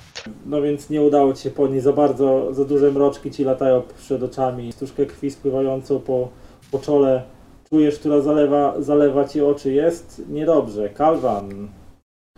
Kalwan teraz w desperackim ataku próbuje się najpierw wymanewrować. Ale powoli, powoli, bo jump up to jest tak, że wstajesz i może masz dalej akcję. Jak nie, nie uda ci się jump up, to po prostu tracisz akcję i Normalnie. sobie wstajesz na spokojnie. Czyli No, mogę... to- Czekaj, y, recovery jak? Które jeszcze? Stan czy? Nie, nie, po prostu wstajesz, tylko już nic nie zrobisz, Aha. tak? No, Z końcem tury sobie wstaniesz. W tym sensie, dobra, dobra. No Kalwan e, udał mu się ten manewr przeciwko mnie. A, tylko on nie może zrobić no nie, manewru, bo ja miałem inicjatywę, lepszą dobra, no, inicjatywę. Dobra, bez, bez... Ale nawet dopalę sobie to karmą. W ostatecznym desperackim Duża Nie. desperacja. Jednak Nie za wiem. dużo, za dużo już ran e, mu zadałeś, żeby był w stanie walczyć. To nie jest wojownikiem, jest tylko zwiadowcą, więc obrażenia, które odniósł, utrudniają mu już poruszanie się, więc niezdarnie gdzieś tam próbuje się na ciebie zamachnąć, ale to bezproblemowo zatrzymujesz na sztychu swojego miecza. W tym momencie znowu zaczyna się ostrzał, strzał, ale Kawaleria. Strzały, strzały sypią się, ale chmara strzał przeleciała gdzieś nad wami i słyszycie tylko krzyki bolesne. Gdzieś z góry spadają jakieś ciała. Orkowi jeźdźcy wznoszą u górze. Kolejna równomiernie wystrzelona salwa czyści, czyści te mm, kolejny brzeg jaru. Znowu słychać krzyki rannych i konających. Niebo przysłania czarny cień. Wszyscy wznosicie, przynajmniej ci, co są w stanie utrzymać się jeszcze na nogach, wznoszą oczy ku górze, popatrzeć, co to takiego przybyło nad ten jar, by być świadkiem waszej klęski. Okręt. Jeden z latających okrętów, o których się mówi, że takie królestwa jak Troal, Jopos czy Wielka Tera dysponują nad swoim, w swoim, e, w swojej tak jakby asortymencie wojskowym. Słyszycie jakieś okrzyki. Orkowi nomadzi wyciągają broń i wykrzykują, krzycząc coś gniewnie, wymachują w kierunku, w kierunku tego e, okrętu. Ktoś, niektórzy sięgają po łuki, ale z nieba sypią się strzały, dziesiątkując waszych napastników. Po chwili cień nieruchomieje. Widzicie, jak do ziemi spuszczają się liny. A po tych linach zjeżdżają jakieś postaci. Kiedy do, docierają do ziemi, widzicie, że to krasnoludzkie wojsko w lśniących, błyszczących w, słońcu kolczugach. Spadają z nieba jako desant i rzucają się do walki z pozostałymi e, napastnikami. A pośród nich górujący wzrostem i dostojeństwem krasnolud w pięknej zbroi, praktycznie jednym cięciem miecza rozpłatuje jednego z, jednego z napastników na pół. Znosi się z pozostałych przy życiu krasnoludów ekipy Jakusa, Byra i Lacha. Podnosi się niemrawy okrzyk radości, a po chwili powietrze wypełnia mrucząca, basowa, krasnoludzka pieśń wojenna. Wznosi się szczęk stali, wznoszą się krzyki rannych i konających, a w waszych sercach powoli wznosi się nadzieja. Masz jedyną ostatnią szansę, Gunarze, aby dopaść do tego zdrajcy. Dobra. Wchodzi ten. Ma... To pewnie będzie jakaś końcóweczka, patrząc na godzinę. E, Ten No. manewr wchodzi? E, tak, jak najbardziej. Po prostu wchodzi. Mhm. Nie, czekaj, nie, wchodzi z jednym sukcesem nawet. Czyli tak, agresywnie. No w końcu. Y, Atakujesz swojego przeciwnika. Dobra, jeszcze spróbuję uniknąć tego. No niestety nie. Gdzieś tam z nieba spada na ciebie zaszysko, które w desperackim akcie obrony swojego pana próbuje cię spowolnić, przeszkodzić, próbuje gdzieś tam cię trafić w oczy, dziobać cię w twarz, ale jednym machnięciem ręki łapiesz ptaka i nawet nie zastanawiając się długo y, miażdżysz mu krtań, odrzucasz na bok, a później Wznosisz miecz do, miecz do ciosu. Weszło ci dwa pełne sukcesy dodatkowo. 17. O, o panie. Jak wykańczasz kalwana niebieskookiego? Prostym, prostym sztychem w serce, tak. Tak wbijam mu ten miecz głęboko, Przebijasz spoglądam, spoglądam, spoglądam mu w oczy, wysuwam i odrzucam ciało, no w nie? jego, w Tak, jego na oczach zobaczyłeś takie zdziwienie, nie? I, I tylko odrzucasz ciało na bok i rozglądasz się. Widzisz, że krasnoludzkie wojsko dziesiątkuje orkowych nomadów, dobijając i przeganiając, y, przeganiając resztki. Roz, y, y, rozglądają się, rozglądacie się w koło. Widzisz Adryla, który leży gdzieś tam nieprzytomny pod, y, pod ścianą jaru. Weja, który zbiera się e, z ziemi, twarz ma e, zalaną krwią i widzicie, e, znaczy ten, widzisz wielkie pobojowisko. Większa część Javim, Jakusa Byrajlacha nie żyje albo jest ciężko ranna. Może trzech, może czterech stoi jeszcze po własnych siłach, w tym Jakus oraz słaniający się, słaniający się Urrus, który ranny pochlastany w wielu miejscach, ale ciągle jeszcze przytomny, stoi, próbuje ustać, chociaż widzicie, widzisz, że gnie go do dołu już powoli. Krasnoludy szybko dobiły resztki owych napastników, orkowych nomadów, czy też orkowych najemników, którzy zostali wynajęci, żeby was tu wykończyć w tym jarze i zbierają się wokół was. Jakus Mhm. Byrajlak, zobaczywszy tego rosłego, czarnobrodego krasnoluda w pięknej zbroi, podchodzi, odrzucając miecz na bok, podchodzi i przy, przyklękuje. Miło, mi, mi, miłościwy panie. Jakus, stary zbóju. Krasnolud śmiejąc się przerywa oniemiałemu mistrzowi zapachów, łapiąc go za ramiona i stawiając go do pionu. Cieszę się, że cię widzę. I go tak przytula do, do siebie, do tej swojej opancerzonej piersi, poklępując go radośnie. E, inne krasnoludy też przyklękły, żeby oddać cześć widocznie jakiemuś wysoko postawionemu, wysoko postawionemu krasnoludowi. E, Widzicie, jak ci st- strażnicy gromadzą się wokół e, Jakusa i jego ludzi, sprawdzając, co, co z nimi. E, no dopadam do tego e, Ardryla, tak? Sprawdzam co, co z nim, czy żyw jeszcze, czy nie, no bo z daleka to widzę E, tylko, że leży. Płytki oddech, ale widzisz, że jest mocno ranny i ma rozbitą, rozbitą głowę, krwawi, krwawi z ran, jest nieprzytomny, aczkolwiek oddycha. Dobra, to zaczynam go tam gdzieś na szybko opatrywać. E, zgarniam Weja, tak jakby do, za, za, gdzieś, żeby, żeby w miarę możliwości może coś pomógł, jak będzie gdzieś, tak? I tyle, no i chyba tutaj, nie wiem, bym na dzisiaj skończył, bo się dość późno zrobiło. No, okazało się, że uratował was nikt inny jak książę Neden, syn Warulusa III, wraz ze swoją wierną świtą najprzedniejszych krasnoludzkich gwardzistów i ucieszony tym, że udało mu się spotkać Jakusa i uratować go od niechybnej śmierci, was e, trzech oraz pozostałe niedobitki Jakusowej kompanii zostaliście zebrani na pokład Spiżowego Orła, bo tak się nazywa e, okręt flagowy krasnoludzkiej marynarki powietrznej pod dowództwem właśnie księcia Nedena. Ksią- Książę Neden rad był was po prostu ugościć na pokładzie okrętu i dalszą część drogi do Troalu odbędziecie na pokładzie latającego okrętu Spiżowy Orzeł. No I dobra, na tym super. dzisiejszym, na, i w tym, na, w tym oto miejscu skończymy dzisiejszą sesję. Wszystkim oglądającym i nikomu dziękuję za uwagę. No i do zobaczenia i cześć. No to Wejowi trzeba będzie z, przekazać końcówkę.